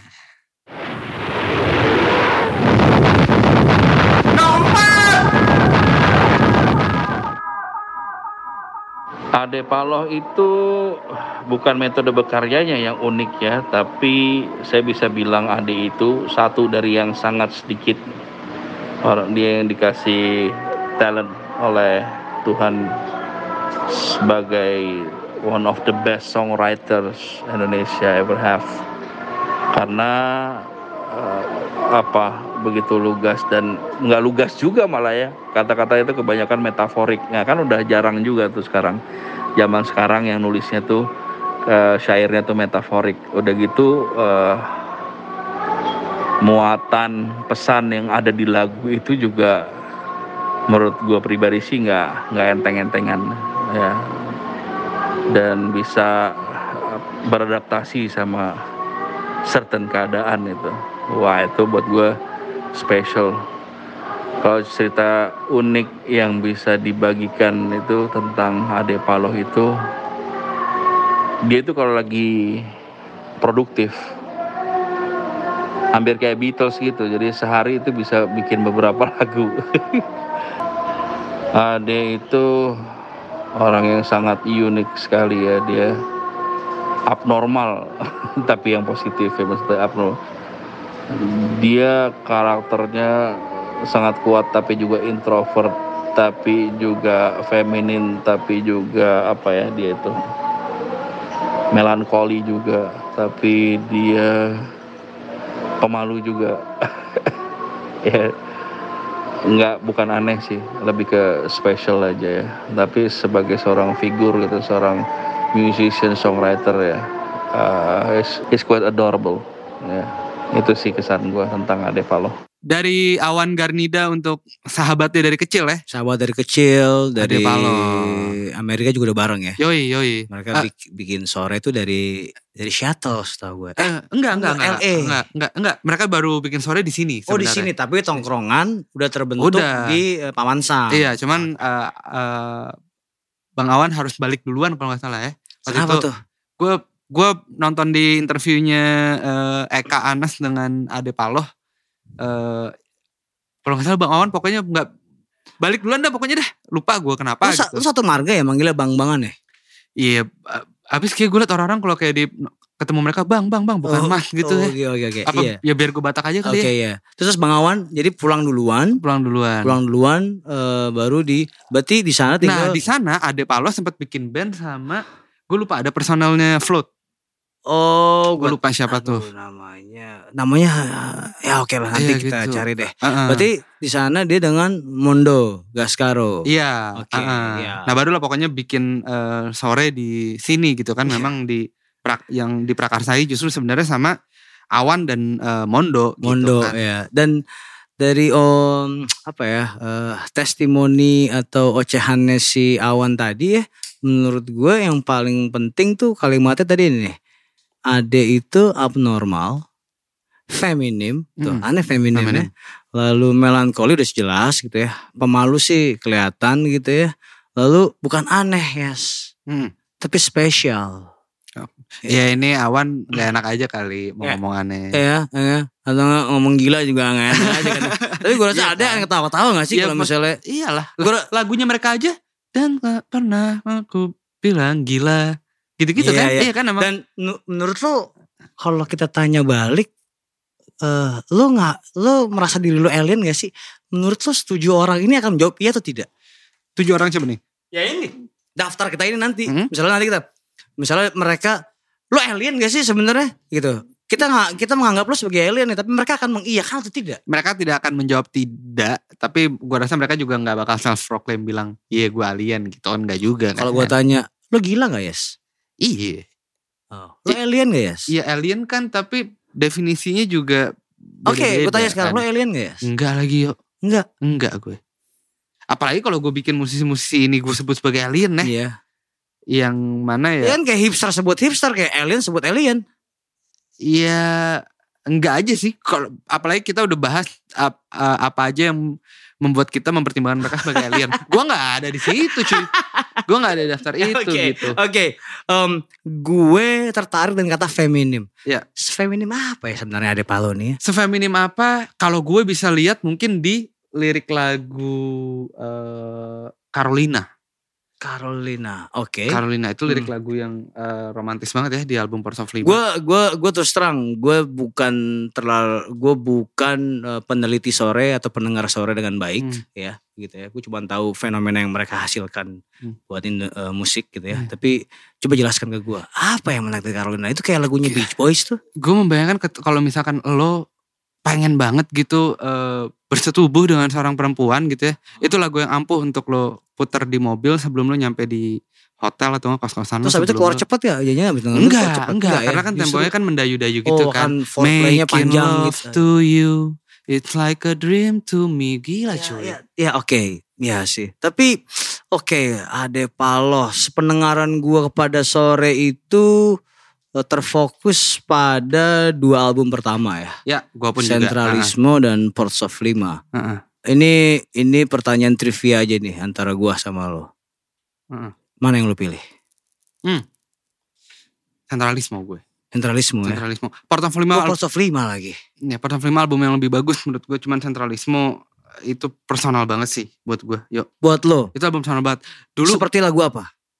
eh, bahkan gue pernah mendedikasikan eh, lagu lihat itu untuk seorang sahabat lama gue yang gue eh, udah lama lah nggak main sama dia gitu Hmm, hmm. lagu Somos Libres yang tentang eh, kebebasan gitu ya, itu gue denger tahun 2005 pas gue lulus lulusan SMP ya buat gue itu gue mau masuk masa SMA tuh kerasa banget oh ini nih kebebasan gitu kan dengerin lagu cermin dengerin lagu keangkuhanku Wah, itu gue ya. dalam tuh denger Iya, lagu itu iya, gitu iya, iya. Dan dan seberapa kayaknya porsi penulisan lagu di sore mereka berlima itu rata ya. Rata, rata. Rata ya. Rata. Siapa yang menyanyikan, dialah yang menulis Kayak gitu. eh, eh, eh, lagu tersebut ya. Iya, kayak gitu. Kayak mungkin tadi sebelum eh, kita eh, memulai daftar ini ada satu lagu yang diputar musik di dalam. Ada musik di Ada dalam. musik di dalam. Di dalam mana nih sebenarnya? ya kan?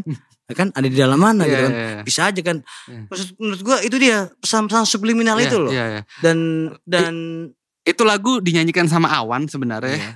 Tapi yang menarik lagi-lagi Ade Paloh di ujungnya dia tiba-tiba entah kenapa dia bilang nasi uduk. tapi menurut gue yang oke itu itu itu diksi liar. Ah. Tadi Awan juga bilang itu diksi liar. Diksi liar, Tapi se- satu detik sebelum dia ngomong nasi uduk dia ngomong Yoi, yoi. nasi uduk. Ada ada eluhan itu tau gak lo? Jadi kayak dia kayak ngecengin ya kan kayak mungkin dia udah muak didayu-dayuin gitu Hmm. kan ya. terus akhirnya dia mulai keluar em, eh, apa ya eh, itu tadi ngentot ini apaan sih gue kayak terbawa-bawa eh, lembayung gini Iya, iya, iya. ngentot lah Hah, gitu kan akhirnya dia eh, keluar lo nasi uduk entah nasi uduk apa yang ada musik di dalam nasi uduk. Menurut lo musik apa yang ada di dalam nasi uduk? Eh, serundeng, serun eh, eh, serundeng dap, ya. Serundeng dap, Serundeng. terus bawang goreng rock, ya kan? atau em eh bossa nova Semur. kebon kacang. Yoi, iya kan? Bossa nova. Ah, tapi Ade, Ade bukan cuman di lagu itu doang loh. Pernah tiba-tiba eh kasih apa sentuhan yang aneh gitu. Ada satu soundtrack eh, film Janji Joni, Iya. Fang the Hole. Ini kebetulan dia juga yang nyanyi kan. ya Fang the Hole oke Di terakhirnya kalau lu denger outro itu dia teriak-teriak nggak jelas gitu kan. Weret, weret. gitu-gitu doang. Sampai musiknya kelar, dia masih teriak-teriak gitu kayak eh ini Itu- apa sih? iya itu Gitu loh. itu apa yang ada di otak ya Iya, iya. iya. menurut menurut gue nggak kadang-kadang nggak ini gue berpikir mungkin nggak sih eh kegilaan itu lahir secara DNA Ya. Mm-mm. atau keanehan itu lahir secara DNA ya atau dari pemakaian narkotika Heeh. atau dari broken home atau memang eh, dia eh, ingin menjadi sesosok yang berbeda sesuai mungkin dengan idolanya atau dengan atau musiknya lah yang mendrive dia untuk menjadi gila. Menurut lo gimana ya? Ya, ya ini according to the Funk the Hole yang yang track-track terakhir tadi Iya. itu ya. kalau gue lebih setuju yang di awal ya tapi apa pun faktornya sebenarnya ya akhirnya eh, Ade Paloh punya hidup yang eh, menjalankan hidup yang begitu eh, penuh dinamika aja kali ya dan dia dan dan dia orangnya dalam banget gue pernah sekali nanya sama dia waktu itu ada ya pertanyaan waktu itu gue lagi nanya untuk International Jazz Day gue nanya sama dia "Eh, gimana akhirnya lu bisa pertama kali mendengarkan jazz apa yang membuat lu suka sama jazz eh lagu pertama yang mengenalkan gue sama jazz itu adalah lagu Honey Pie-nya The Beatles dia bilang. Oh, tadi kan Awan juga sebut. Ah, Awan kan Liverpoolian juga tuh kan. Yoi, yoi. Eh, apa nama bandnya? Eh, Jiplak. Jiplak ya, dia bilang lagu Pie-nya The Beatles di situ dia menemukan ada ritme-ritme jazz eh, yang gua gua gua nggak segitu ngerti ya tapi dia bilang itu ada di ada di lagu-lagu Charlie Parker dan dia bilang Wow. dia bilang dia menggambarkan eh, suasana itu sebagai suasana kekuningan, kuning, suasana senja. Jadi yang gue tangkap Ade Palo ini benar-benar merasa merasakan eh, secara mendalam eh, notasi-notasi musik, eh, jelas. gitu loh di di, di jelas. Dan dia, dirasakan secara dan, dalam. dan dia nggak sekolah, seinget setahu gue ya, mungkin gue salah, koreksi deh kalau gue salah. Mm-mm. Dia nggak sekolah musik, dia sekolah bisnis kalau nggak salah. Mm, mm. Secara ada klan palohnya ya, entahlah dia itu anak atau paman. Gue pernah sekali wawancara dia, pertama kali gue wawancara sore itu di studio Pendulum, Hmm. studio tempat mereka merekam lagu cermin untuk kompilasi Jakarta sekarang, ya kan? Oke. Ya gue iseng aja. Palo nih lu siapa ya Surya sih? Gue bilang gitu. Ah udah lah lu gak perlu tahu. Makin curiga kan lo gitu tapi ya, kan, tapi ya dia ya dia, kan? dia turun keturunan ya kan. Dan tadi lu bicara jazz, em, si Paloh adalah juga seorang pemain trompet. Yoi. Dan gue menemukan sebuah diksi ya. Gue mencoba mencari diksi liar kalau kata Awan Yoi. ya. Gue tadi berpikir apa diksi liar? Diksi liar buat si Ade Palo adalah menduhai dan aduh mahligai, kesepian dan menggigil tuh gak lo? Oke. Iya gak sih? Oke. mengayun tau gak lo Heeh, dan dan rasa kesepian dan kesendirian itu heeh. itu nggak bisa dilepaskan dari eh, musik-musiknya eh, sore entah dibuat oleh si Paloh atau yang lain karena ya mau nggak mau dia bermain gitarnya dia ya ngayun Iya, ya nggak iya. kok lu kayak nggak setuju gitu sama gue enggak, enggak, enggak, enggak. Justru gue lagi berpikir, iya juga ya. Gini kayak dia bi, eh, balik lagi ya ke interview yang gue pernah tonton dia sama sama Eka, Ana- Eka Anas gitu. Gue menangkap Ade Palo ini memang melihat dirinya itu sebagai ya udah dia dia dia seorang musafir yang ada di bumi ini gitu. Ya gitu kan dia dia dia eh, bumi ini bukan rumahnya dia gitu kan dia menjalankan Nah. menjalankan aja fungsinya dia di sini gitu kan itu tercermin di lirik-lirik yang, yang yang tadi lo bilang terus mata berdebu eh, Bogor biru gitu. Maksudnya itu Bogor biru gawat sih dulu itu terasa banget keterasingannya dan alien keterasingan. alien itu akan Betul, merasa kata yang keterasingan gitu. Dia Iya. dia merasa dia tidak eh, dia tidak eh, datang dari eh, bumi ini. Dia hanya sementara di bumi ini. Dan itu terasa banget di Ade Palo di awal tadi kita udah bilang jangan-jangan musisi-musisi ini adalah akulturasi dari alien-alien yang ada di luar itu Yoi. ke manusia akhirnya Yoi. lahirlah mereka Hey. kayak lo nonton Anunnaki gitu kan Iya, iya, Iya iya, kan iya. ya kan jangan-jangan Ah. mereka-mereka inilah para keturunan langsung Yoi, yoi, yoi. wallahu alam Heeh. tapi kalau misalnya kita bicara lebih dalam lagi eh ya ya ya mungkin aja itu kejadian gitu Iya, iya. kok jadi agak rumit ya Iya, gue juga pernah kemarin sempat bertanya sama eh, Billy Saleh ya, Eh, Ya. mantan personel Pol- Polka Ini yang, yang- kayaknya fanboy ya. ya Billy dia, Saleh fanboy ya. dia Kayak belakang. the rest of Polka tuh, Polka Wars tuh the fanboy of sore Iya, ya. iya, Jadi ibarat ibarat eh, Ade Palo itu alien dan sore adalah UFO-nya. Ini adalah Iya. mereka mereka nih kaum kaum penyembahnya nih sebenarnya. nih. Penyembahnya ya Kaum kan, penyembahnya nih. penyembah. Dan ya. Yang menurut Billy yang menarik dari eh, Ade Palo adalah bagaimana dia menulis lirik itu menempatkan empatinya tuh eh, cukup dalam gitu gitu. Gue gua gue sebenarnya masih pengen mencari tahu lebih lanjut ya. Sensitif, Iya dia tapi intinya itu sensitif gitu. sentimental. Intinya sen- Menurut lu dia ada yang adalah seorang penyendiri nggak? logikanya iya ya. Logikanya Harusnya iya ya gitu. Logikanya Ketika iya. ketika sekarang jujur gue adalah orang yang eh, agak kecewa dengan eh, sore di atas album ketiga karena gue eh, suka banget sore di album pertama dan album kedua gitu. setuju. Iya. Dan Yang ketiga itu yang covernya Harvey Maleholo itu kan? kok memang Eh, siapa sih itu? Itu ah, Gusti Kastut deng. sorry sorry sorry. Tapi lo, lo lihat deh. Enggak itu gue gue kira pertama tuh Harvey Maleholo. Eh, Ya kan yang bikin Deddy Dud kan Iya, Iya kan Deddy iya, Dud kan Pas ah. gue lihat Wih Harvey Maleholo Gue kira nih Sorry tribute tuh Harvey Maleholo Ah. kan Pas gue baca Oh ternyata ini Kusni Kastut Bray. Ah. Oke oke. Terus terus terus. Iya di si- dan di situ gue lihat kayak akhirnya eh sore jadi seperti musiknya Ade Paloh aja gitu. To the point. Iya kan? Lo merasa kehilangan Mondo Bizarro kan? Eh Mondo Gascaro kan? Sangat lah dan gue yakin Ade Paloh sangat-sangat kehilangan Mondo. Karena ketika Sebal Ya oke ketika ketika ketika nggak ada eh, Mondo memang musiknya sore eh, jauh Dan Jauh Mondo Bikin album Raja Kelana yang Oh Tiga kali langsung impas 150 Anjing. ribu. Iya tiga, tiga kali. Anjing Tiga dua kali, kali. men. Tiga- dua kali. Mau di repeat dua kali dua kali enggak. Ini gue repeat. Lo masih lebih gocap. Oke lanjut yuk Oke lanjut. iya. Akhirnya Raja Kelana menjadi eh, album yang eh, sangat mm, bisa dibilang mm, eksotis. Ya Hmm. kan itulah musik pop kreatif 80-an Indonesia. Mm-mm. Gue inget eh Archipelago Fest Mm-mm.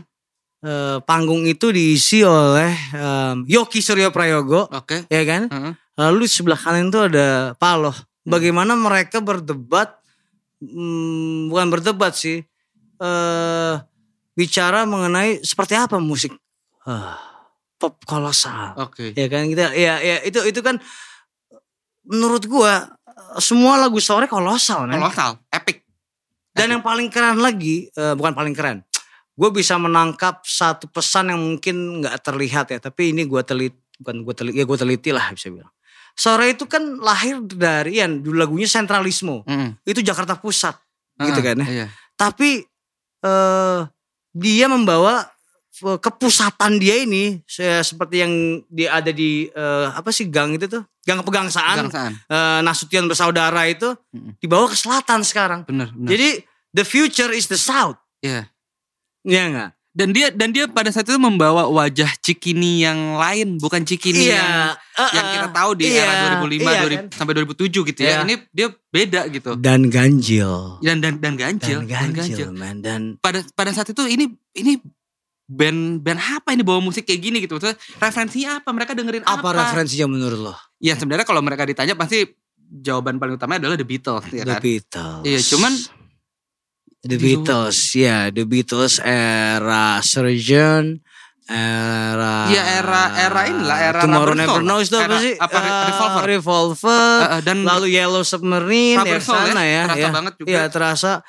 Jadi ya, jadi menurut gue sore juga membuka sebuah gerbang baru buat pop. Iya baru makanya ada ada ada istilah paloh pop ini ya yang belakangan Wah, lagi itu lagi dia tuh paloh pop ya. marak ya Ya kayak paloh pop. Bisa nggak lo jelasin seperti apa paloh pop? Ayo yes. gue gue gue gue sebenarnya setuju nggak setuju sih kalau misalkan sampai ada eh, istilah paloh pop ini maksudnya kalaupun ada beberapa band ada beberapa eh, proyek musik yang diasosiasikan sama paloh pop ya mungkin dia terdengar eh, vokalnya cengkoknya kayak ada paloh. Eh, terus terdengar Na, na, na, na, na. terus notasi-notasinya kan bila-bila nadanya mungkin ada kayak gitu. Tapi kalau sampai paloh pop Oke, siapa paloh pop? ya gue rasa yang banyak dimaksud paloh pop contohnya adalah Polka Wars terus mungkin musisi dari Sawi. Sa- Sawi kan pernah di Polka Wars Anjing, iya, kalau Sawi Wars. deui. Sawi deui. Eh, atau ada musisi dari Malaysia apa namanya siapa tuh Noh Saleh. Noh Saleh Ya, ya kan itu gitu. Bilal Indrajaya Bila iya betul. Ya betul. kan? Tapi menurut lo Ade Paloh punya skizofrenia nggak? ah nggak tahu sih gue nggak pernah Gua akan buktikan. gue nggak pernah pikir gitu sih Karena- In 1997, The Bullet, Bullet was shy. shy. Itu kan sebenarnya dia udah pull the trigger, the revolver, ya kan, udah ada di kepala dia, Hmm. ya kan. Ketika diklik, gak keluar, pelurunya malu. Lu percaya gak itu ada kejadian tersebut? Gue gak percaya karena lirik ini. While I do reviews be abused by the sickening conclusion, the deafening delusion. Deafening delusion. Delusion ya, ya, The ya. deafening delusion. Ketika delusion datang, lo eh, tuli, jadi kan skizo. Jangan-jangan, jangan-jangan ya kan? Gue penasaran apa resep bulanan dari Ade Paloh. iya enggak? jangan-jangan Kalau dia skizo. tapi gue tahu Atau enggak? tapi gue tahu ada? tapi gue tahu gue tahu banget tahu. gue tahu banget resep Skizo tuh bulanannya ilmiah loh. Enggak, gue tahu banget resep bulanannya Apa? nasi uduk Sama nomor berapa? Hei, nomor tiga. Kubil, Kubil itu bisa gua bilang musisi yang ajaib. Pertama, dia bukan gear freak seperti gitaris-gitaris lain. Ya pada awalnya dia mau mencari gear-gear yang wahid lah. Habis itu udah, dia tinggal explore. Anaknya kayak gitu. Satu. Kedua, dia itu kalau menciptakan sound eh, lagu atau mendap dapat inilah dapat nada-nada gitu dia selalu menerjemahkannya ke bahasa visual. Itu yang gue suka kubil. Tapi bahasa visualnya lebih ke filmis kalau doi. Jadi dia misalnya bikin eh, tema gitar gitu kan. Ini padang pasir ya Jim lu bayangin ini padang pasir. Oke di padang pasir ini ada Dracula nangkring nih satu nah bahasa dia begitu biasanya itu terus ada gelombang elektromagnetik nanti yang membuat Dracula itu eh, Dracula itu jadi agak nurut sama lo. Nah, kayak gitu bahasanya dia tuh. Ya, ya, ya. Lo bayangin kita kan sebagai orang awam makan maksud dia apa ini ya? Yang ketiga, dia bisa memperdaya kawan-kawannya untuk eh untuk ini, untuk apa? Untuk tujuan dia tapi kita tidak tersakiti. Nah, itu sebuah skill buat gue. Jadi dia bisa eh, ya bikin cipoa kawan-kawannya, hmm, kena kita nih masih kubil, kita akan cuma merasa seperti itu. Gitu ya, tidak merugikan, semuanya fun sih oke, kalau dia gitu. Kalau balik lagi dia lagi bikin musik, eh, dia itu eh, sangat percaya gue lah, gue boleh gue bilang gue GR lah ini. Soalnya dia selalu bikin musik itu tanpa pattern, terus panjang, panjang banget. Tanpa pattern kasih tahu ke gue coba Jim lo susun gimana biar enak. Nah dia selalu gitu tuh. Nah gue kalau selalu kalau selalu dia dia lagi ngasih tahu apa tema-tema yang dia bikin itu itu gue langsung ngebayangin lirik-lirik yang banyak banget. Itu sih chemistry gue mau kubil sih di situ Tenang ya, yes. itu adalah sebuah happiness. Iya, gue udah warm udah, gun. Ini kayak taruhan-taruhannya udah nggak usah di ini lagi lah, nggak usah dihitung lagi. Lu udah udah, udah parahan yuk, utang lu udah terlalu banyak. Sebut dulu. Yang penting sebut aja kan gimmick. Ah, Oke gak ngerti gimmick. Aneh gue showbiz. Oke itu tadi eh Jimmy Multazam yang menceritakan tentang eh, ali, satu alien lagi yang masuk dalam daftar. Ada Kubil Idris ya. Iya, Kubil Idris. Ya udah pasti lah ya. Siapa yang paling tepat eh, mengisahkan dan menceritakan eh Kubil Idris adalah tandeman ya. Yoi temen Ini menurut gue kayak Lennon McCartney sama nggak? McCartney. Yoi. Jagger Richard Yoi. atau misalnya kalau di em, Steve Jones Rotten Heeh. ya enggak atau Eh, Megawati Ma- Prabowo. Megawati Prabowo Doraemon sama Nobita. Irza Baldi Tempe dan tahu. Strange Fruit Iya. ya enggak ya Iya. enggak? ya maksud gue itu duet ya Heeh. itu duet jadi eh, kalau kita lihat bagaimana Jimmy merespon eh gitar-gitarnya Kubil yang tadi dibilang nggak jir freak ya. Yoi, yoi. Berarti kan minimalistik ya. Iya, dia minimalistik. Hmm. Jimmy dengan gitar seperti ya sesimpel mungkin bisa menarik dengan kata-kata. Mm-mm. Keluar semuanya kan di Jimmy Ah, kan. Dan Ya kan? dan ini sih yo yang menarik tadi ya. Eh pas Jimmy ceritain tentang bagaimana eh Kubil tuh biasanya ngasih sebuah eh, skenario, dia ngasih sebuah scene Menarik. untuk untuk Menarik. eh, menulis lagu. Jadi gue jadi berpikir gini.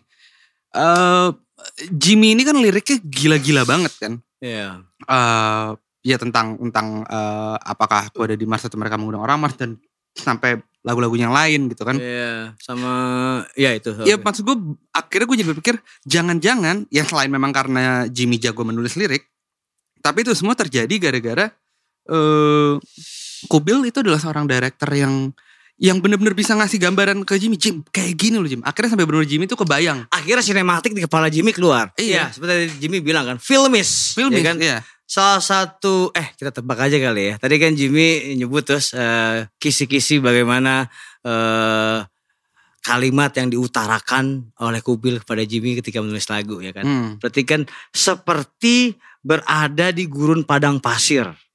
Ya kan? Mm-mm. Lalu ada gelombang elektromagnetik. Hmm. Ada vampirnya dulu kalau nggak salah. Ada vampirnya vampir. dulu. Heeh. Ji- Menurut lo itu lagu apa? Untuk lagu apa menurut lo? Kayaknya ya, kayaknya kalau gue bisa menduga-duga mungkin lagu lompat di album Matraman. Karena kan itu ya kayak pada tuh tet tet tet tet tet tet. Bagian vampirnya tuh yang gitu-gitu yang yang scene-nya dia itu kayak iya, iya. kayak kayak ini vampirnya nih yang dimaksud nih gitu kan.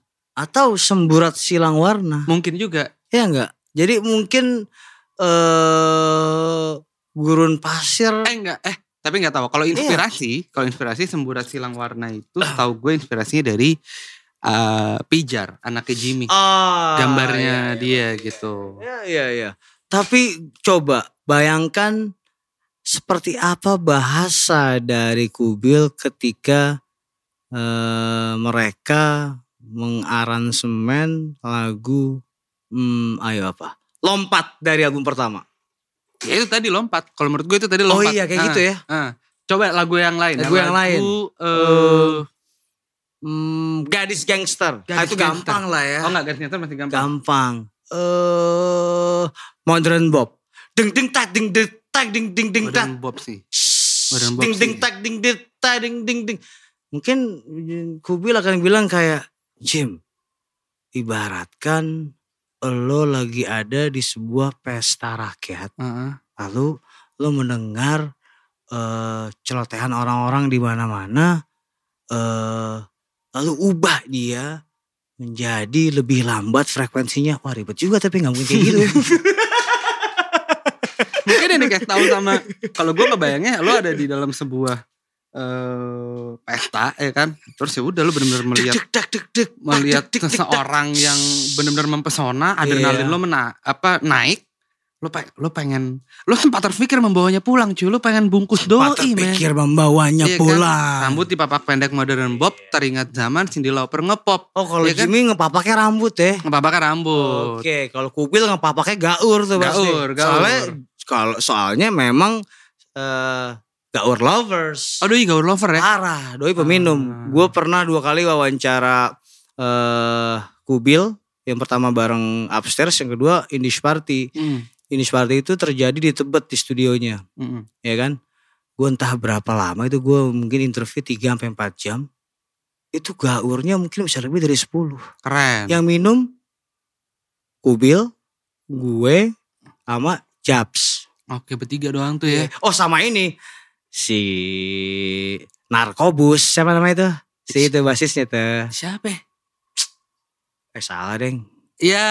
Eh, itu mah Karon Endro. salah tuh. Bukan bas. Eh bener anjing Narkobus. Ah. Narkobus. Oh, nama nama Jakob, Jakob, Oh. Jakob, Jakob, Yakobus, ya kan? Yakobus. Dia punya is, Yo, ah. kagak, bukan. Dia punya instrumental judulnya Narkobus Oh anjir. gitu, keren. Ini Nah. Lu jangan nganggap-nganggap gue kayak Iya, iya, iya, nora-nora iya. narkoba gitu Gua deh. gua Kagak. gua ternyata inilah belum belum belum tahu. Lo Iya. coba dong makanya memberitahu gue ada ya. Iya kan ah, gue namanya bilang, ah, gue pikir, lo ngerti. Gitu. Itu ada. Jadi itu bertiga terus tuh minum tuh. Iya Ah. kan? Ya udah gitu. Jadi intinya Bentar, bentar. Lo ngobrol ber- eh, sama mereka gitu minum gaur sebanyak itu, tapi apa yang lo lihat dari ah, pe- apa pe- pembahasan lo sama Kubil malam itu? Ketenangan cuy. Doi orangnya tenang ya. Tenang. Hmm. Dan eh, klasik mop top tau gak lo? Lihat rambutnya? Hmm? Rambutnya kan? Yoi, yoi. Rambutnya rambut Didi Remon. Yoi. Ya kan? Atau enggak rambutnya Josh Harrison tapi ya karena dia ngepang ya Didi Remon lah ya. Yoi, yoi. Dan gak pernah berubah. Mau apa pun kostum seaneh Hmm. upstairs tetap pakai dokter Marto. Yoi. Dokter Martin. Oke. Ya kan? Nah, Dokter Marto gue tahu tuh. Iya. Nah, Ya kan? dan ya, ya itu sih eh yuk mungkin eh apa ya hmm, konsistensinya Kubil eh lewat permainannya sound-soundnya bahkan penampilannya itu yang akhirnya bisa bikin di upstairs tetap eh tetap kayak apa ya terjaga. tetap kayak apa yang kita kenal dulu gitu. Karena sebenarnya kan musiknya banyak berubah. Jimmy pun juga kalau kita lihat mungkin banyak berubah. Formasi udah ganti-ganti gitu. Tapi Kubil tetap kayak gitu gitu. Iya dari dan ya mungkin itu bisa terlihat gini. Yang keren dari di upstairs itu adalah mereka selalu berganti-ganti produser yang mana di circle lingkaran sound sendiri setiap album. oke Kubil kebagian katalis. Katalika Katalisa. Katalika Katanya Kata siapa? siapa? Kata siapa? emang itu siapa Kata si pria di gang sempit. Katalika anjir Katalika. Ah. Nah, Katalika itu menurut gue yang paling matang. Ah. Dan memang eh kalau ada seorang yang arranger gitu ya, secara musikal eh itu Kubil. Jimmy udah pasti pakai bahasa mulut juga sama. Pasti, Ya pasti. nggak? Ini gue pengen kayak Descendant nih. Iya, iya, iya. Ini gue pengen kayak di RI. Iya, iya. Ini Dehumanizer nih. Tak pepak pepak pepak pepak. Kelihatan di magnet magnet magnet. Itu Jadi lebih produsernya ya, adalah Jepang ya. Multazam Ah. dong. Ya kan lo lihat dia punya Jimmy Jazz gitu kan. Ya oke. Eh, Iya ya. tapi gue ngomong-ngomong soal Kubil gue juga jadi apa eh nginget ke masa-masa awal gue nonton di Upstairs. Bisa dibilang gue tuh dulu modern darling pak. Aduh, gua- yang joget keramas. Enggak sih, enggak sih, enggak sampai joget keramas sih. Gitu Enggak sampai joget keramas. Enggak sampai pakai baju-baju kayak gitu. Yang punya planet K21 juga tuh. Oh iya iya, Iya. planet, planet ke-21 ya. Heeh. Nah itu cuman gue dulu hampir setiap kali di Upstairs mainnya gue datang. Bahkan gue tahu Joy Division tuh dari di Upstairs. Itu dia. Karena gue baca majalah Hai. Gue baca Itu majalah. Hai, gue liat Itu. terinspirasi dari Itu Joy dia. Division. Itu gitu. itu yang gue suka dari mendengarkan band-band di generasi eh, mereka ya. Yoi yoi. Itu akan membawa kita secara otomatis ke belakang. Yoi yoi. Ya enggak? Maksudnya paling gampang eh seringai, Hmm. ya kan? Gara-gara seringai, gue jadi bisa mengerti apa itu Poison Idea. Ah kan? Iya kan? Atau misalnya The Sigit. Ah. Ya kan? The Sigit gue akhirnya jadi dengerin apa band dari Belanda tuh. eh Fokus. Oke. Ah. ya justru justru kayak gitu Gila, malah malah banget. ngebuka ini Iya, kan. membuka yang Iya. kayak upstairs. Udah pasti. Gue mana ada sih dengerin Flock of Seagull. Iya. Suicide. Iya. nggak ada. Setelah gue dengan upstairs. Itu keajaibannya tuh ya. Itu Iya. kan gue bisa dibilang ya generasi eh, 2005 ya. Jakarta sekarang gitu ya. The best lah itu. Iya itu Ah. itu itu itu mengubah ya menurut gue dan dan apa pendapat lo mengenai lagu nilai-nilai nilai? Jadi gue pernah eh sekali datang ke acara di KJ gue lupa acaranya apa waktu itu sama teman-teman gue eh, dan di upstairs lagi main di upstairs eh, si Jimmy bilang eh, nyawer deh kalau ada yang mau eh, request gitu kan terus akhirnya kita request lagu nilai-nilai nilai gitu karena gue juga juga suka banget sama tuh lagu iya kan gitu ya. Ya, itu lagu salah satu lagu yang raw gitu kan di album Nilai, nilai, nilai. Ya, Bener- itu rekamannya yang jorok sendiri itu, gitu Iya. Tapi anarki. Wah anarki aneh banget sih Anarki. Anarki aneh banget sih. Anarki. Apakah mereka anarki. bersemangat Mars? Wah itu aneh Ya. banget sih. Dan jangan lupa lagu pop paling keren tahun 2000 adalah Matraman. Lagu cinta. Yoi, Dan itu gitara yang mainin petikannya yoi dong. The one and Mr. only. Kubil Idris. Mr. Kubil Idris. Dan setelah ditilik-tilik Hmm. sepertinya Kubil itu berhenti eh wak- waktu buat dia itu berhenti di tahun mungkin 83 atau 84. Oke, kenapa tuh? Iya. New Wave udah dapat banget deh nggak nggak lebih dari itu Hmm. ya kan ya ya koreksi gua namanya juga Anabel kan Ya kan? Yoi. lalu eh, dia punya band Indie Party Hmm. ya kan yang mana itu udah Brian Jones eh, era Stones Ya, itu 60s lah ya. ya kan ya udah gitu dan Kubil banyak bikin apa sih Gak proyeknya apa sih Bener bener bener bener. Gue malah kemarin terakhir kali ngelihat YouTube gitu, gue nyari-nyari kan nih tentang kubil segala macam. Ada video dia nyoba ini cuy apa kayak main game gitu, jadi Ya. nyoba nyobain main game gitu. Gue kayak ih, ya, ya. aneh banget nih orang. ya hidupnya cukup aneh aneh Iya, kan iya. aneh kan maksudnya eh itu ya gue bilang itu gitaris gitaris underrated iya iya underrated benar benar. gue gue Ah. ngakui dia gitaris underrated dan secara tidak disadari eh, kocokan dan kilikan dia itu mengubah eh, peta musik ke depan kan sekarang ini pertanyaan yang agak menohok Apa?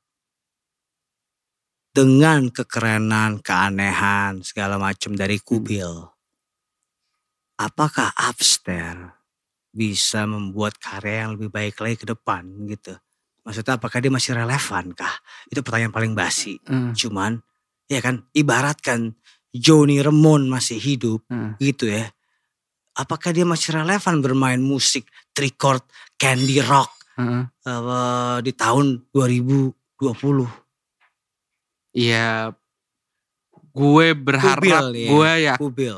hmm, gue yakin duo ini nih, duo tahu tempe Jimmy dan Kubil ini bisa sih, bisa sih. Mereka pasti akan menemukan lagi caranya untuk untuk dan gitu. Gue skeptis enggak lagi. Kenapa tuh yuk? Karena rock udah mati cuy. Kenapa? Rock udah mati cuy.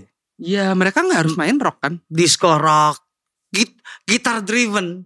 Ya gue gak tahu ya. Eh, Ya gak, gue gak tahu ya. Mungkin ya. Gitu kan. tapi tapi sebenarnya sekarang kan mereka juga kembali eh, kuat ya elemen elektronik ya kan? Ya. Eh, terlebih ketika ada eh, gabung si eh, duo fisika matematika eh, Gepeng dan Gajah kan? Ya. Gepeng juga dengan alat-alat yang canggih jadi ya elektroniknya juga kembali kenceng gitu. Ya. Gitu. Ya eh, itu yang menarik lah pokoknya dari Kubil. Tapi tapi satu hal juga yang gue tadi pengen sebenarnya pengen cerita ke lo ketika gue dulu eh, sering nonton di upstairs. Ada satu sebenarnya eh, pertanyaan gue ketika kita membahas ini. Kenapa nggak banyak yang ngefans sama Kubil ya? Uh, itu dia. Iya kan? Itu sama aja pertanyaannya. Kenapa tidak banyak orang yang ngefans sama Lu. Hans Andi Hans Sabarudin.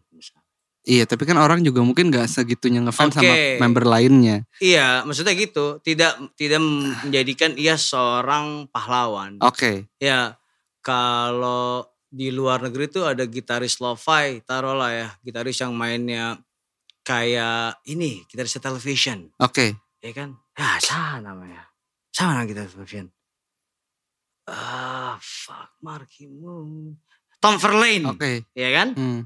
Itu lihat aja, siapa yang mengidolakan Tom Verlaine? Hmm. Ya karena main mereka minor, main mereka di belakang. Iya, iya, iya. Iya gak? Dibanding ya E- Emang emang emang di desain tidak menonjol gitu ya. anti itu kill Hmm. your guitar idol. Ya ya ya. ya. Itu adalah representasi sempurna dari kill your idol. Oke. Oke. Iya enggak? Anti hero, Heeh. eh unsung hero ya kan, minority, Iya, iya, iya. itu Kubil. Ya bahkan ketika di after dulu rame eh, mereka semua warna-warni gitu ya kayak ada Alfi, ada Siapa yang siapa yang dilihat? iya yang dilihat ya Alfi. Oh, ada cewek, ada Rebecca Theodora pada saat Ah, itu gitu kan. Rebecca Theodora. Iya kan?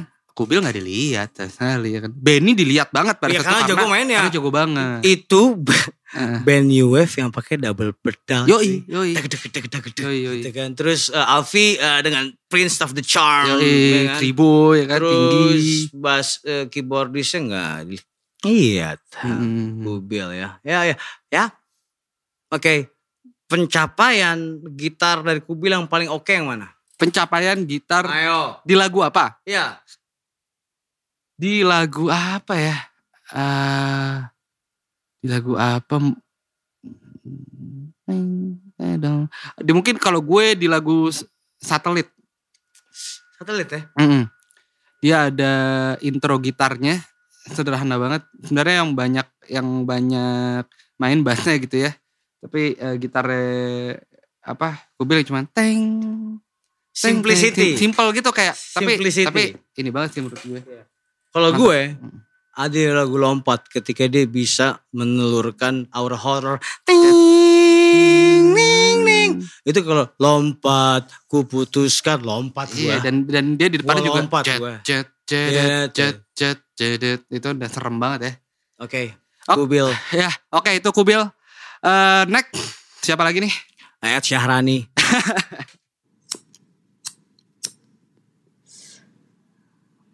Nomor dua. Halo, saya Denny MR. Ucok Harahap menurut saya seorang penyanyi dengan eh, tingkat eksentrik yang tidak tertandingi sampai sekarang ya. Itu yang membuat eh, kelompok AK bandnya itu menjadi satu-satunya band yang dikenal dengan atraksi panggung sangar ya. Seperti dicambuk, dimasukkan ke peti mati dan sebagainya gitu. Saya pernah wawancara dengan Ucok untuk majalah Rolling Stone eh, beberapa tahun lalu dan eh, dia punya konsep yang jelas. Artinya menurut dia eh, dalam bermusik itu persentasenya adalah 60% eh, panggung, sensasi, 40% adalah eh, musikalitas. Dan itu yang dipegang teguh sama dia, eh, dia konsekuen sampai dengan akhir hayatnya. Nah, yang menarik dari Ucok adalah justru kontroversinya. Di balik sosok sangarnya itu, Ucok itu seorang yang eh, berperangai halus ya. Kemudian lucu dan eh, sedikit penakut ya Ucok itu. Jadi eh, beberapa saat sebelum meninggal saya pernah bersama Ucok menengok Ahmad Albar sewaktu masih di lapas Paledang Bogor dan eh, pertemuan kedua superstar itu eh, terlihat penuh haru ya Ucok di luar dugaan menangis sesenggukan di eh, pundaknya Ahmad Albar. Sementara Ahmad Albar ya cuek-cuek aja gitu. Cuma senyum-senyum aja gitu. Ucok dengan Ahmad Albar itu pernah membuat eh, Bukribo ya yang menurut penuturan Ahmad Albar Bukribo itu sebenarnya itu idenya dari Ucok. Walaupun pada kenyataannya dari empat album yang dibuat oleh duo tersebut Ucok hanya menyanyi eh, paling banyak dua lagu ya itu karena waktu itu posisinya eh, Ucok di Surabaya Ahmad Albar di Jakarta dan rekaman kebanyakan di Jakarta ya. Jadi Ucok bagi saya tetap merupakan eh, vokalis rock yang unik, yang sangat kontradiktif yang sampai sekarang eh, belum ada gantinya. Wah ini gawat nih. Sekarang tapi ya gua gua coba deh, gua tes, gua tes lo ya.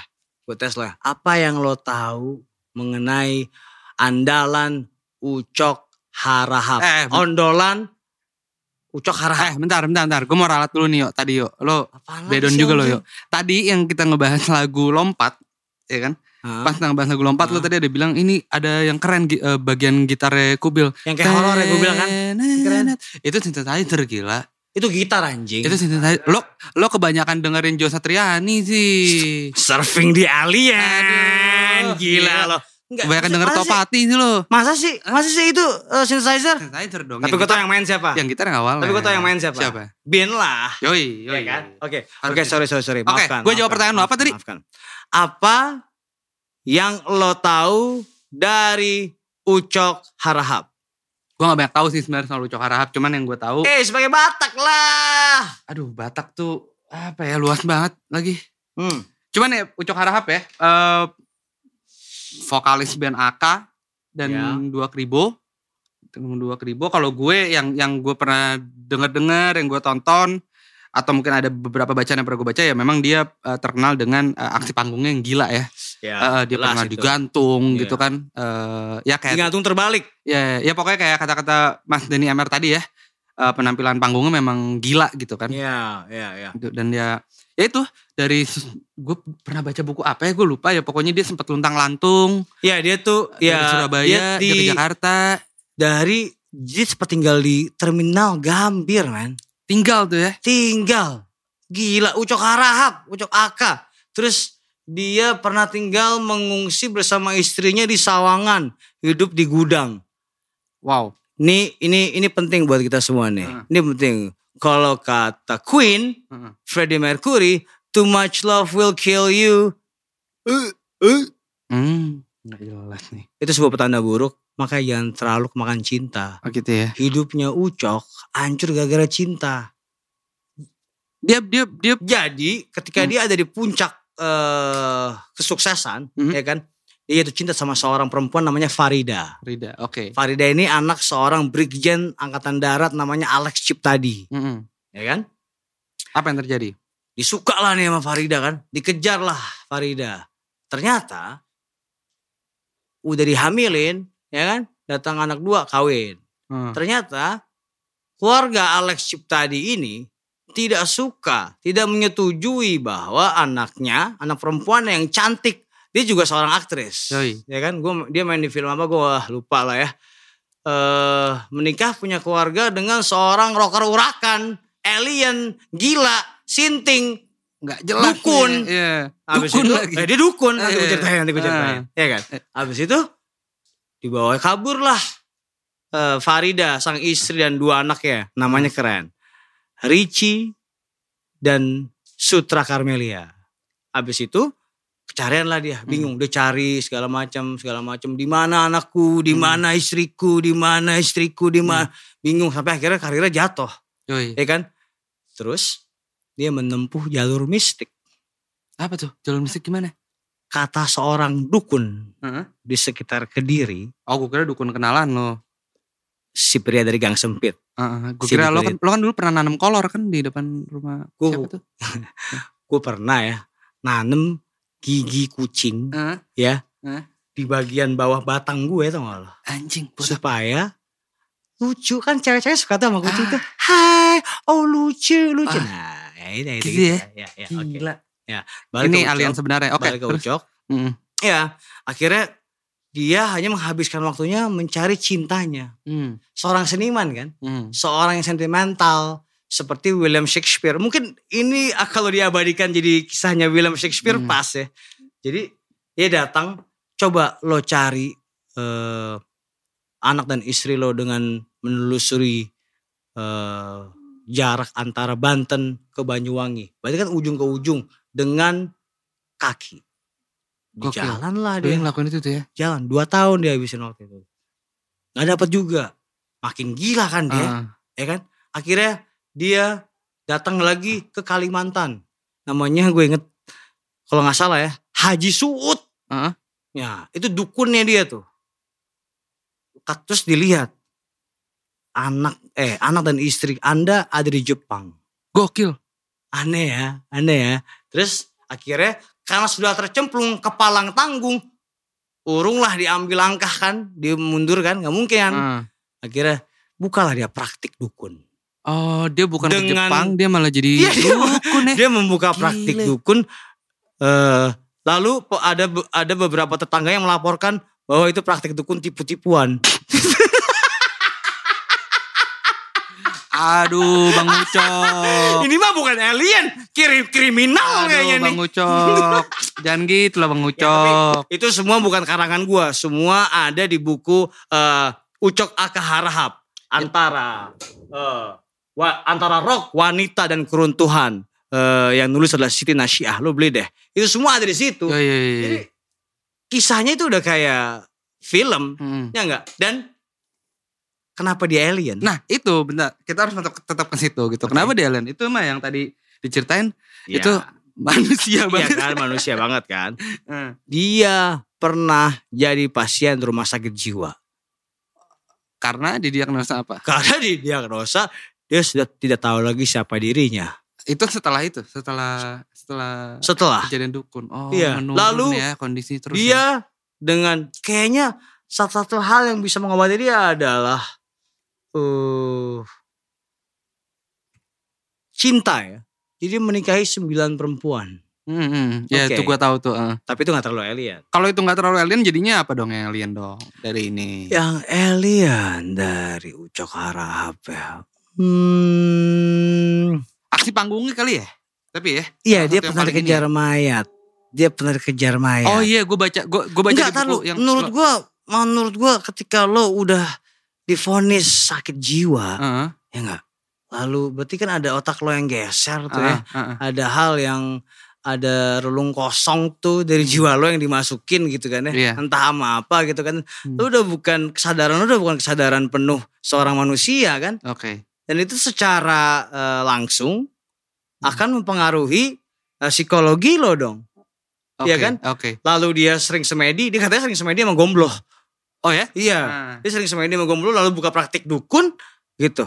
Terus dia masih aja obsesi eh, mencari anak istrinya sampai umur 50 tahun. Gila sih tuh. Maksud gua itu antara cinta Hmm. sama gila ya enggak atau sama eh, obsesif kompulsif untuk atau sama nafsu ingin memuaskan kepenasaran dia itu berbeda tipis. Tapi berarti ber- tapi berarti bermakna ganda ya aliennya di uh, Ucok Harape itu gitu. Buat orang yang melihat dia sebagai uh, seniman, dia alien karena dia begitu teatrikal bahkan sampai hidupnya pun kayak seperti itu gitu Iya. kan. Di atas panggung kayak gitu. Tapi buat orang-orang yang uh, tahu ya dia kenapa dia alien ya karena memang dia uh, punya condition yang uh, berbeda lah. gitu Iya, kan. dan katanya namanya dia itu adalah nama lengkapnya dia adalah siapa Yes? Andalas Datu Oloan Harahap. Oloan nih bahasa Batak tapi gue lupa Iya, artinya apa. artinya dukun. Masa sih? Andalas, Oloan. Oh enggak Oloannya? Iya. Masa sih? Andalas, Oloan, antara Andalas Oloan itu artinya dukun. Oh. Jadi sebenarnya dia tuh udah natural born shaman. ditakdirkan jadi witch ya. Iya, akhirnya ketika dia Hmm. eh, mengalami hal-hal spiritual aneh ini, Hmm. memang udah jalan hidupnya gitu kan. Wah iya sih. Gue beruntung Hmm. pernah menonton Ucok Harahap. Hah? Di?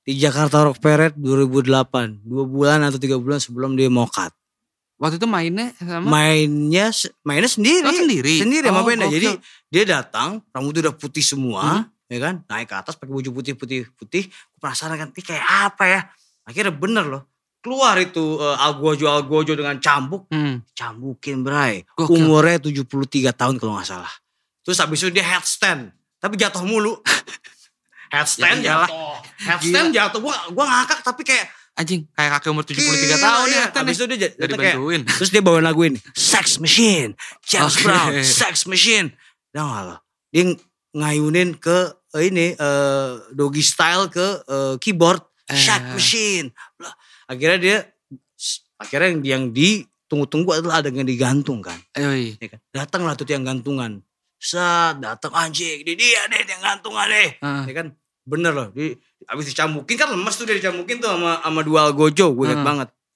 diikat lah kakinya, dikerek itu itu si eh, gantungan yang gantungan. Berdirilah kaki di atas, kepala di bawah. Anjir. Udah, terus dia nyanyi, teriak. "Wah!" Anjing. Wah, gue berharap me. bisa bisa nonton Ya itu dia. penampilan Itu. doi sih. Lalu Gokil. Lalu gue punya pengalaman juga bertemu dengan Ucok Harahap lagi saat sekali lagi. Hmm. Ini sebelumnya. Gue ada liputan eh, Soundrenalin di Malang Oke. yang diadakan di lapangan Rampal. Hmm. Lapangan Rampal itu adalah jalur ya ini setahu gue mungkin nih jalur em, lintas provinsi mungkin lurus ya Heeh.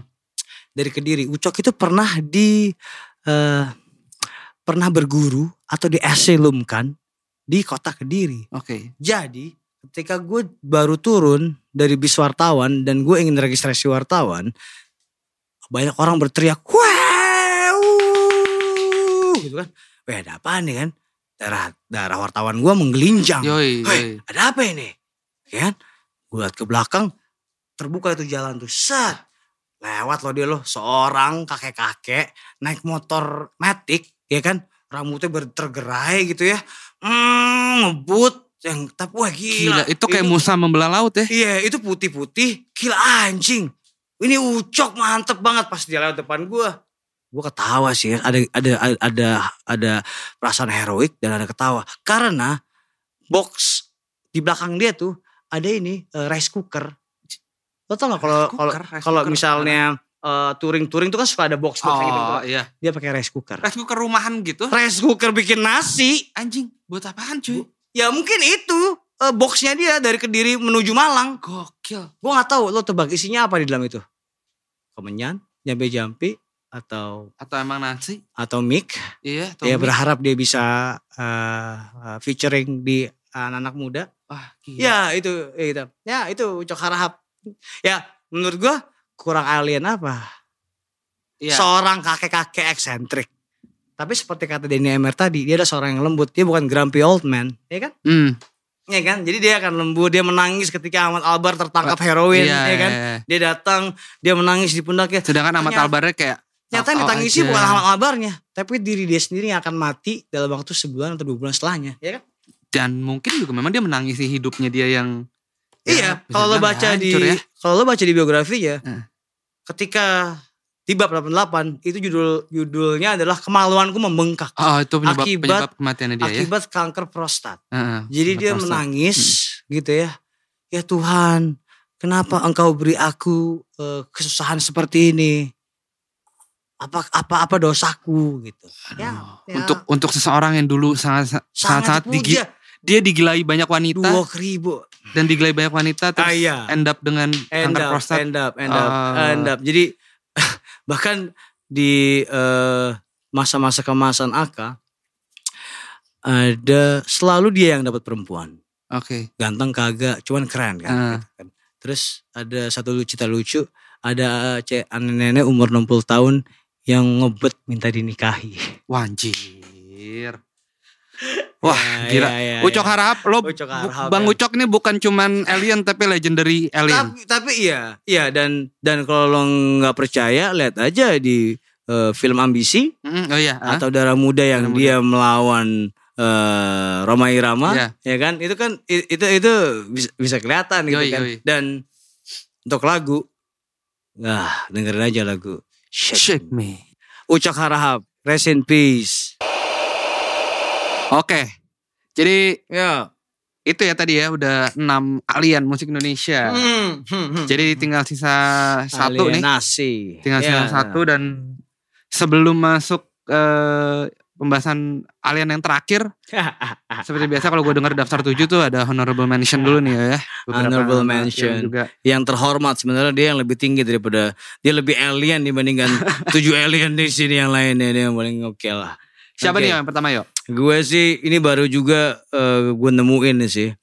Dia namanya Didi AGP. Mungkin lo sebelum semua belum pernah belum pernah dengar kali ya. Yoi, Tapi yoi. katanya sih dia adalah eh, untuk proyek eh, periuk perut dia menulis beberapa tim song dari sinetron-sinetron yang pernah kita kenal ya kayak Tuyul dan Bayul Jun- ya.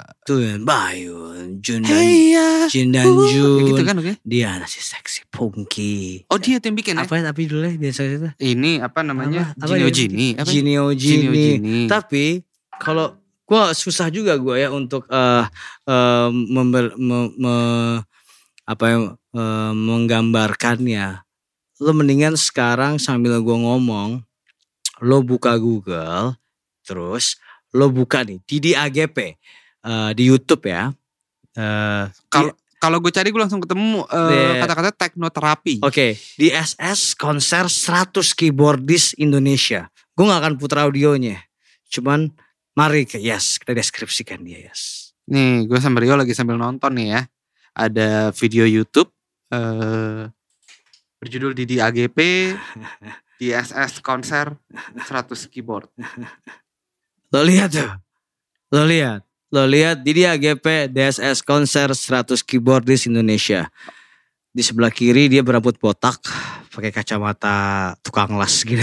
Yoi cuy, tahu. gila di bentukannya. Terus bajunya eh, perak-perak milenium gitu ya enggak botak plontos lalu di sebelah kirinya ada eh, mungkin asisten DJ ada gak sih asisten DJ? Ya mungkin inilah ya apa Dia namanya? pakai pakai kubus eh, kayak mungkin apa nih kayak Deadmo 5 nih ya. Iya, Terus iya, dia iya, pakai kayak gitu. ransel, terus musiknya ethno techno.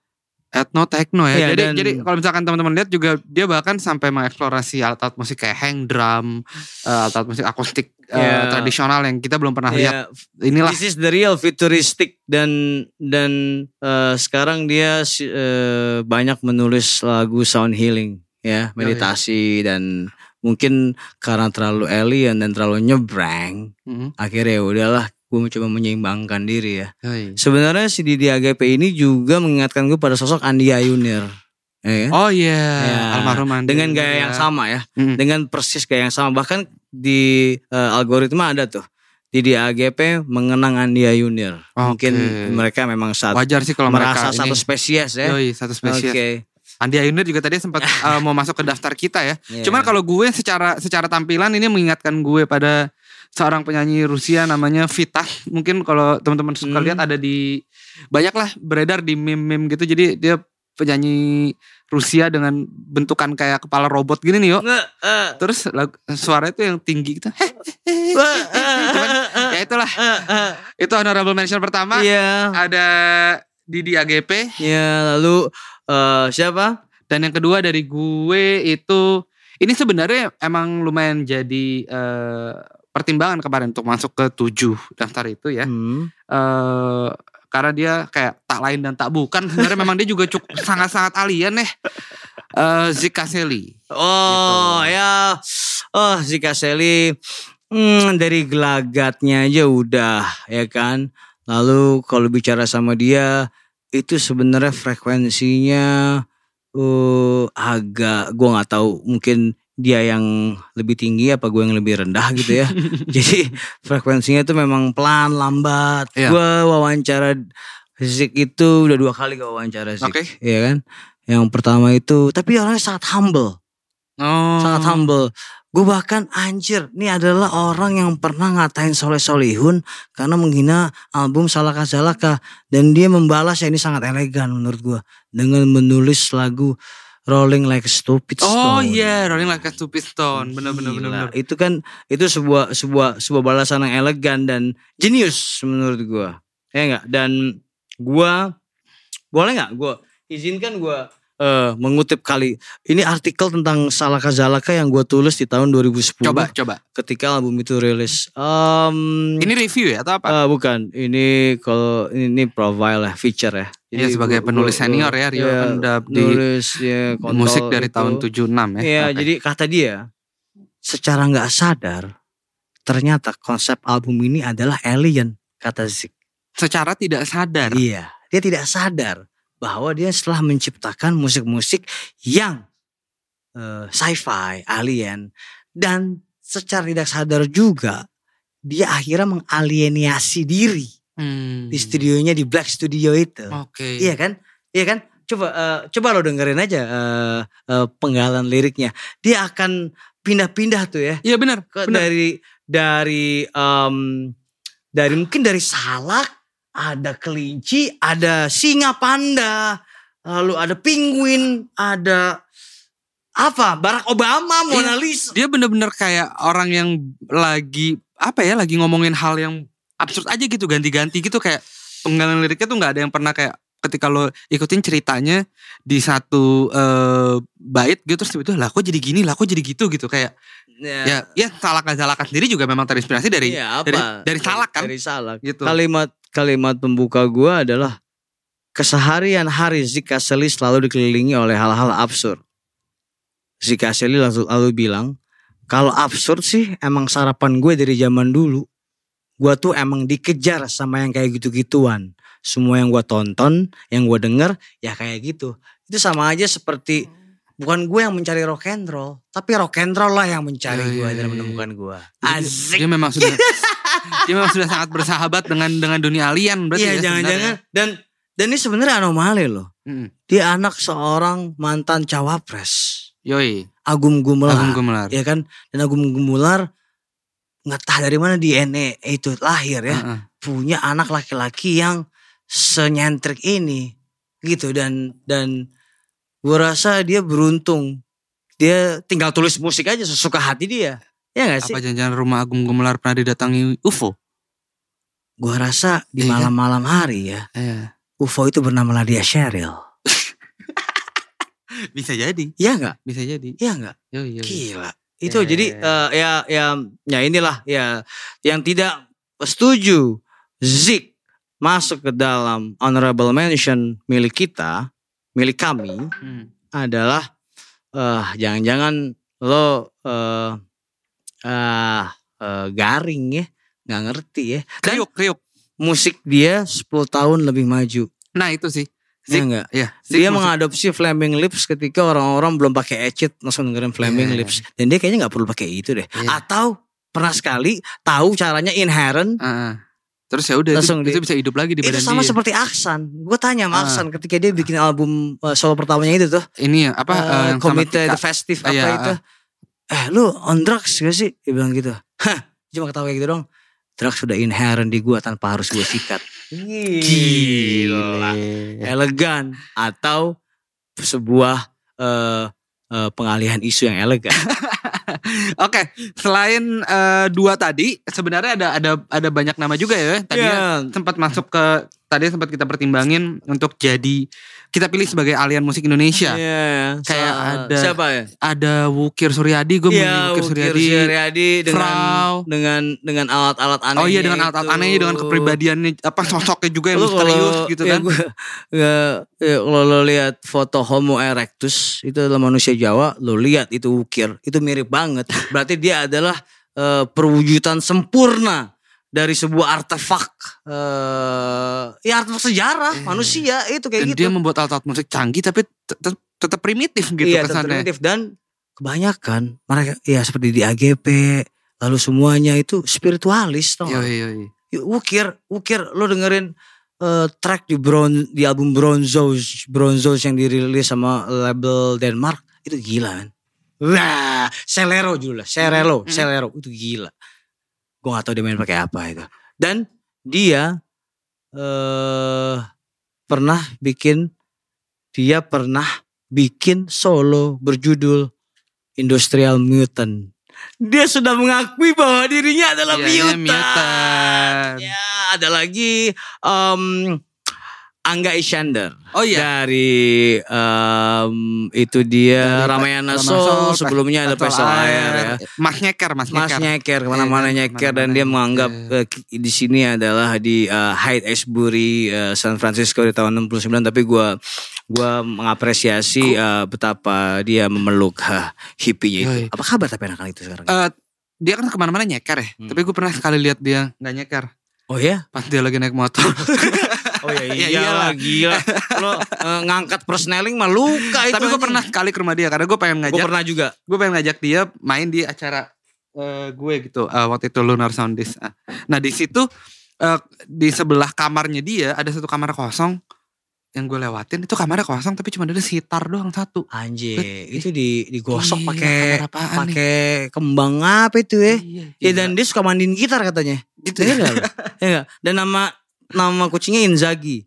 Wah gokil. Dan gue, oh ya, Filip, gue Filip, oh Paksiman Inzaghi nih. Inzaghi, Filippo, ya, Filippo, Filippo ya, kayaknya. oke. Atau kalau di underrated harus Simone ya. Simone, Ya kan? iya. Atau enggak ya, mm, ins, ya udah. Oke, apa?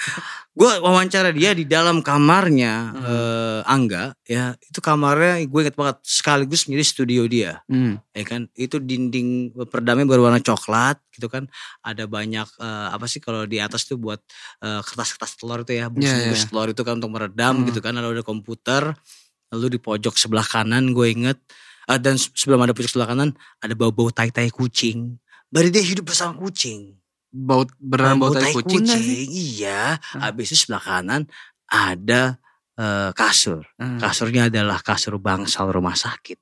Lengkap dengan selimutnya yang garis-garis putih ya klasik gitu lo? gila men. Gokil, gokil. Oke, ya mungkin itu ya. Eh, honorable mention mungkin kalau kalau ada yang nggak masuk ya sebelum kita maju nomor satu, lo tulis di komen. Lo Ya, tulis ya, di ya. komen. Boleh lo banget sih, ntar kalau- Ya lo tulis aja lah. Mungkin kelewatan dari kita atau misalnya atau lo merasa diri lo absurd, ya lo tulis juga di komen kenapa lo absurd. Kalau merasa lo lebih Atau lo alien. lebih alien atau lo merasa lo beneran alien ya lo invasi aja ini bumi. Kita masuk ke Ah, nomor 101. Oh. kita recap lagi kali ya dari Recap ya. pertama di Nomor 7. di nomor 7 ada Culapo. Culapo, Anggun Anggun Priambodo. Priambodo, si Kribo. Yoi, terus juga di peringkat 6 ada Otong Coil, Ah, JAV, JAV dan di Wah. peringkat 5 ada Future Collective. Sawi fucking Lia. Sawi fucking Liu. Setelah itu ada Bang Ade Paloh dari Wah, sore. ya F. kan? Ahmar Paloh baru rilis solo kemarin. Yoi. Dengerin. This Allowed. Yoi. Terus juga di peringkat 3 ada gitaris handal dari The Upstairs, Kubil Idris, Kubil Idris. ya kan? Dan Ya, yang si Classy Mop Top. dan yang barusan kita bahas sang legenda Ucok Haraha. Cocok harap tukang kawin dan dukun dari Kediri.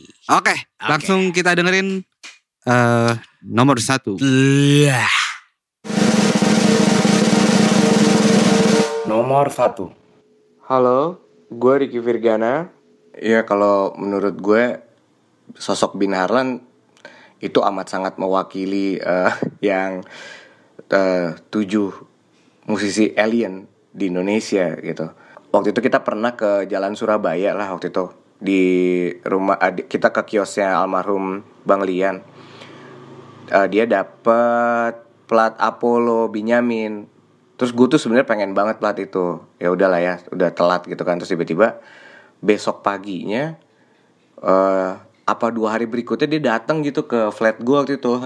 Eh, terus tiba-tiba dia datang dia bawa plat itu terus dia ngajak tukeran sama eh, plat Kamen Lennon kan pada waktu itu gue nge-reissue Kamen Lennon gue pikir ah nggak usah bin. Lo kan udah dapet kemarin. Gue bilang gitu. Dia bilang nggak nggak nggak apa-apa nggak apa-apa. Eh, dia kayak buat ngasih ke orang akhirnya ya gue juga gue bingung kan ya udah gue gue kasih dua kalau nggak salah. Gue tuker eh, dua plat Kamen Lennon sama si Apollonya Benyamin itu. Habis itu baru eh, lahir lagu eh, jajan rock. Buat gue tuh absurd gila. Maksudnya kayak dia kepikiran dia bisa bikin lagu yang liriknya amat sangat keseharian kita dan keseharian hobinya dia gitu. Baru habis itu tiba-tiba dia bikin album kalau nggak salah operasi apa gitu itu ada satu lagu yang menurut gue paling absurd itu es mambo kacang ijo gitu ya. Gila kan liriknya? Es mambo kacang ijo digigit plastiknya gitu kan. Tiba-tiba ada bagian yang yang chaos gitu. Es mambo kacang ijo es mambo kacang ijo. Itu, itu ngawur tapi tapi sosoknya keren ya. Kayak kayak apa ya?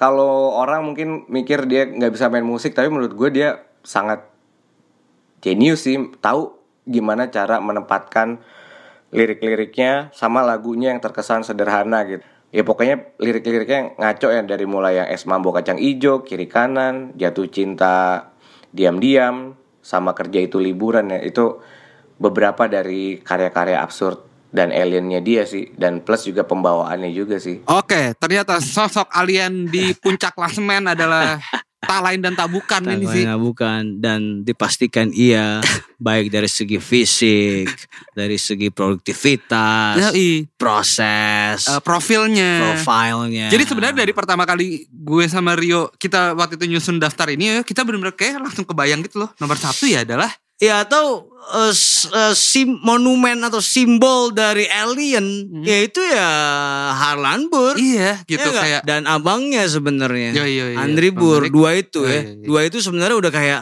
incing. Udah, gue sampai menemukan satu kosakata baru gara-gara gue menulis tentang eh, Harlan Burr. apa tuh?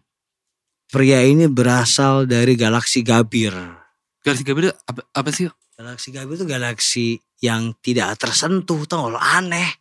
Oke. Iya itu, jadi eh, anjing. Kalau pernah mewawancara dia ya? Gue pernah wawancara Eh. dia berapa kali? Sekali. Sekikuk itu kah dia gitu ketika Dia emang bawa, eh. dia emang bawaannya kayak gitu. Itu gue nggak bisa bilang dia adalah seorang yang hmm, apa ya? Dibilang aneh.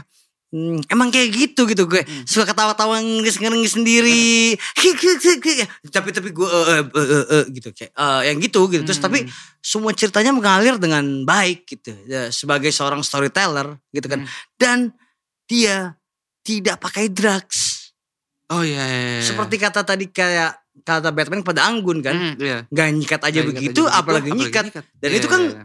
sama berarti itu original alien Iya, iya, begitu iya, kan? iya. tidak tidak artifisial Iya, gitu. jadi ya ya ya itu. Dan memang apa ya kalau yang paling menarik juga kalau misalnya tadi lo bilang dia kikuk dia apa segala macam itu tuh tercermin betul di karya-karya dia gitu. Ya Lu- lo ngelihat lagu-lagunya eh, Bin Harlan dari zaman Kemon Lennon sampai dia eh, karya-karya solonya gitu.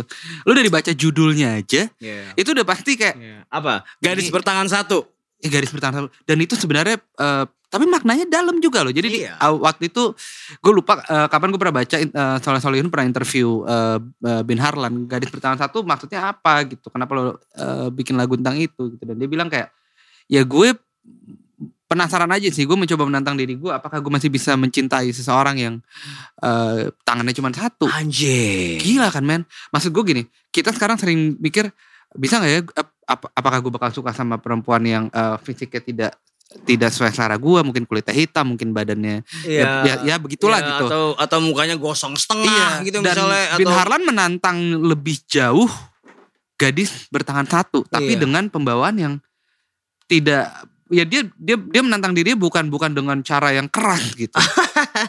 itu, itu ya sih. ya yang yang paling eh, menarik ya ternyata itu mengalir ya Iya, iya. mengalir ya Em, tapi uh, yang juga menjadi kealienan dia adalah kepalanya gue yakin sibuk banget dengan produktifnya pastilah yo. Gila dia setahun aja bisa mungkin 3 sampai 4 IP ada sakit operatik, ada Iya. sakit sakit generik. generik. Gila sakit generik apaan anjing? Maksudnya sakit apa sakit generik? Operasi lo? kecil, sakit Operasi generik, kecil, ya ya kan?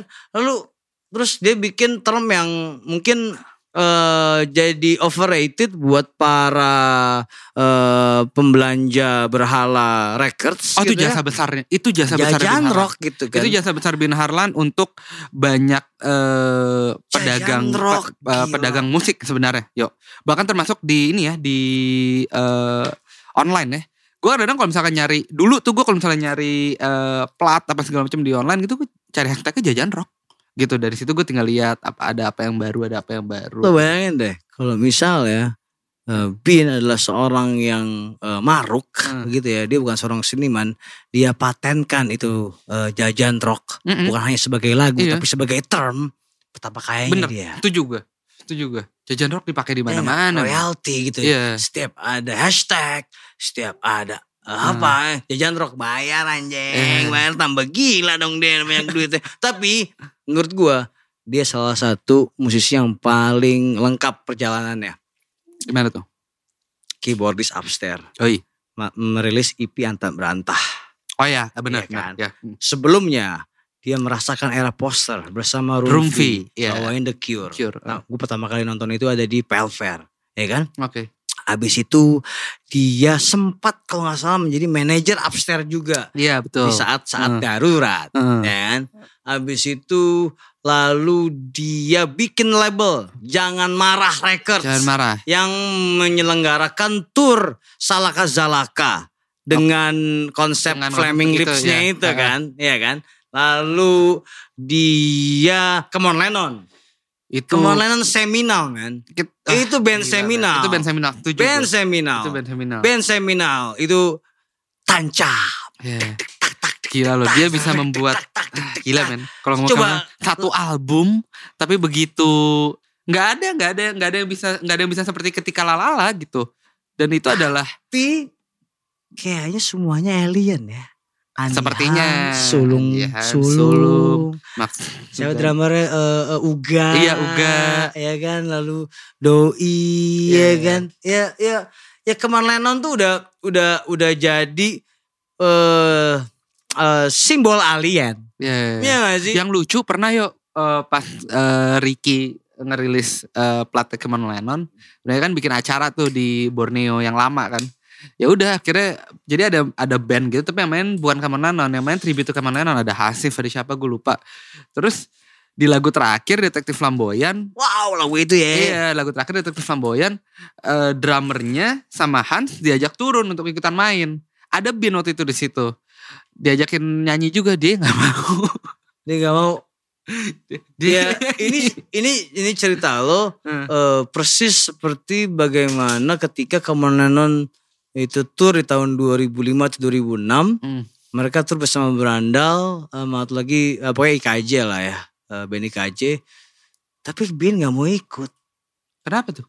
entah karena anaknya sakit Anjir. atau karena istrinya sakit gue lupa. Jadi sepanjang tour yang nyanyi David Tarigan. Wah cukup aneh peduli gitu Iya, kayak iya, iya. eh mau udah lah gue udah lepas sama hal-hal seperti itu. Gue nggak mau gue nggak mau. Jadi dia dia, dia produktif Valid, Dia produktif tapi, ti- valid. tapi tidak ambisius gitu loh dia dia produktif tapi ya udah ketika gue nggak bisa lagi ketika gue nggak nggak lagi nggak bisa main ya gue nggak bisa main deh gitu maksudnya kayak santai banget itu kan aneh ya Iya, itu kan alien gitu tuh aneh, kayak gitu aneh, aneh. Dan dan dan eh, salah satu album penuh terakhir ada double album. oh ya uh, Ini terus terang Bin ya. Gua Fidelitas cinta, mendengarkan eh, ini gue nggak sampai habis tuh kebanyakan lo bikin lagu dan menurut gue ini lagu-lagunya ada yang penting dan ada yang nggak penting. Hmm. Tapi coba kita sebutkan judul-judul lagunya yang eh, mendeskripsikan ini ini yang sempat alien apa doi. Iya, ini yang sempat gue bilang tadi di awal ya. Dari judul-judul aja Bin Harlan tuh udah udah Ayo, udah kelihatan aneh. Ayo, Nih, ayo. dari album Fidel- Fidelitas Cinta side A. Judul lagu pertama Fidelitas Cinta, kedua ada Tatap Sambil Goleran. Wah, itu pasti doi lagi eh, staring at the ceiling. Yoi. Iya kan, gitu-gitu tata sambil goleran atau ya rebahan aja. Bingung Eh, gitu kan kayak bingung, aduh bengong Bingung, gitu. pelangap-pelongo, Ah. kayak bikin nulis apa. Tapi oh satu lagi, yang gue suka dari Bin, dia sangat melek literasi dan produktif menulis artikel. Oh iya Nah, benar, itu benar. dia. Oke. Dia tetap memang aktif ya. Oke, next. Lagu Lagu berikutnya apa? ketiga ada Jarak Telah Diputus. Oh, jarak telah diputus. Iya. Oke. Nomor Hmm. empat, ini nggak tahu kenapa nomor empat terkesan sangat Bin Harlan sekali. Surat cinta dari kantor. Iya, iya. Gue rasa dia kan kena eh, SP. Iya. Ya kayak Ya, dia kan suka menceritakan hal yang kayak ya udah uh, ya udah hidup ini menyedihkan tapi nggak dibikin sedih juga kayak ya udah deh emang begitu gitu ini kan surat cinta dari kantor kan Iya, kayaknya kayak SP, SP kan kayak, atau atau PHK. iya kayak PHK gitu ya kan? terus gue Ya. membayangkannya kalau misalkan dibawakan sama Bin jadi kayak hah gue di PHK lagi gitu Ya. aja udah gitu kan Oke. track nomor 5 Suaka Oke dan ya. track nomor 6 pulang Pulang, virtual. Virtual, Apa ya pulang virtual? Iya. Pulang virtual berarti em, em, yang setahu gue Bin itu tidak mencari musik dari digital.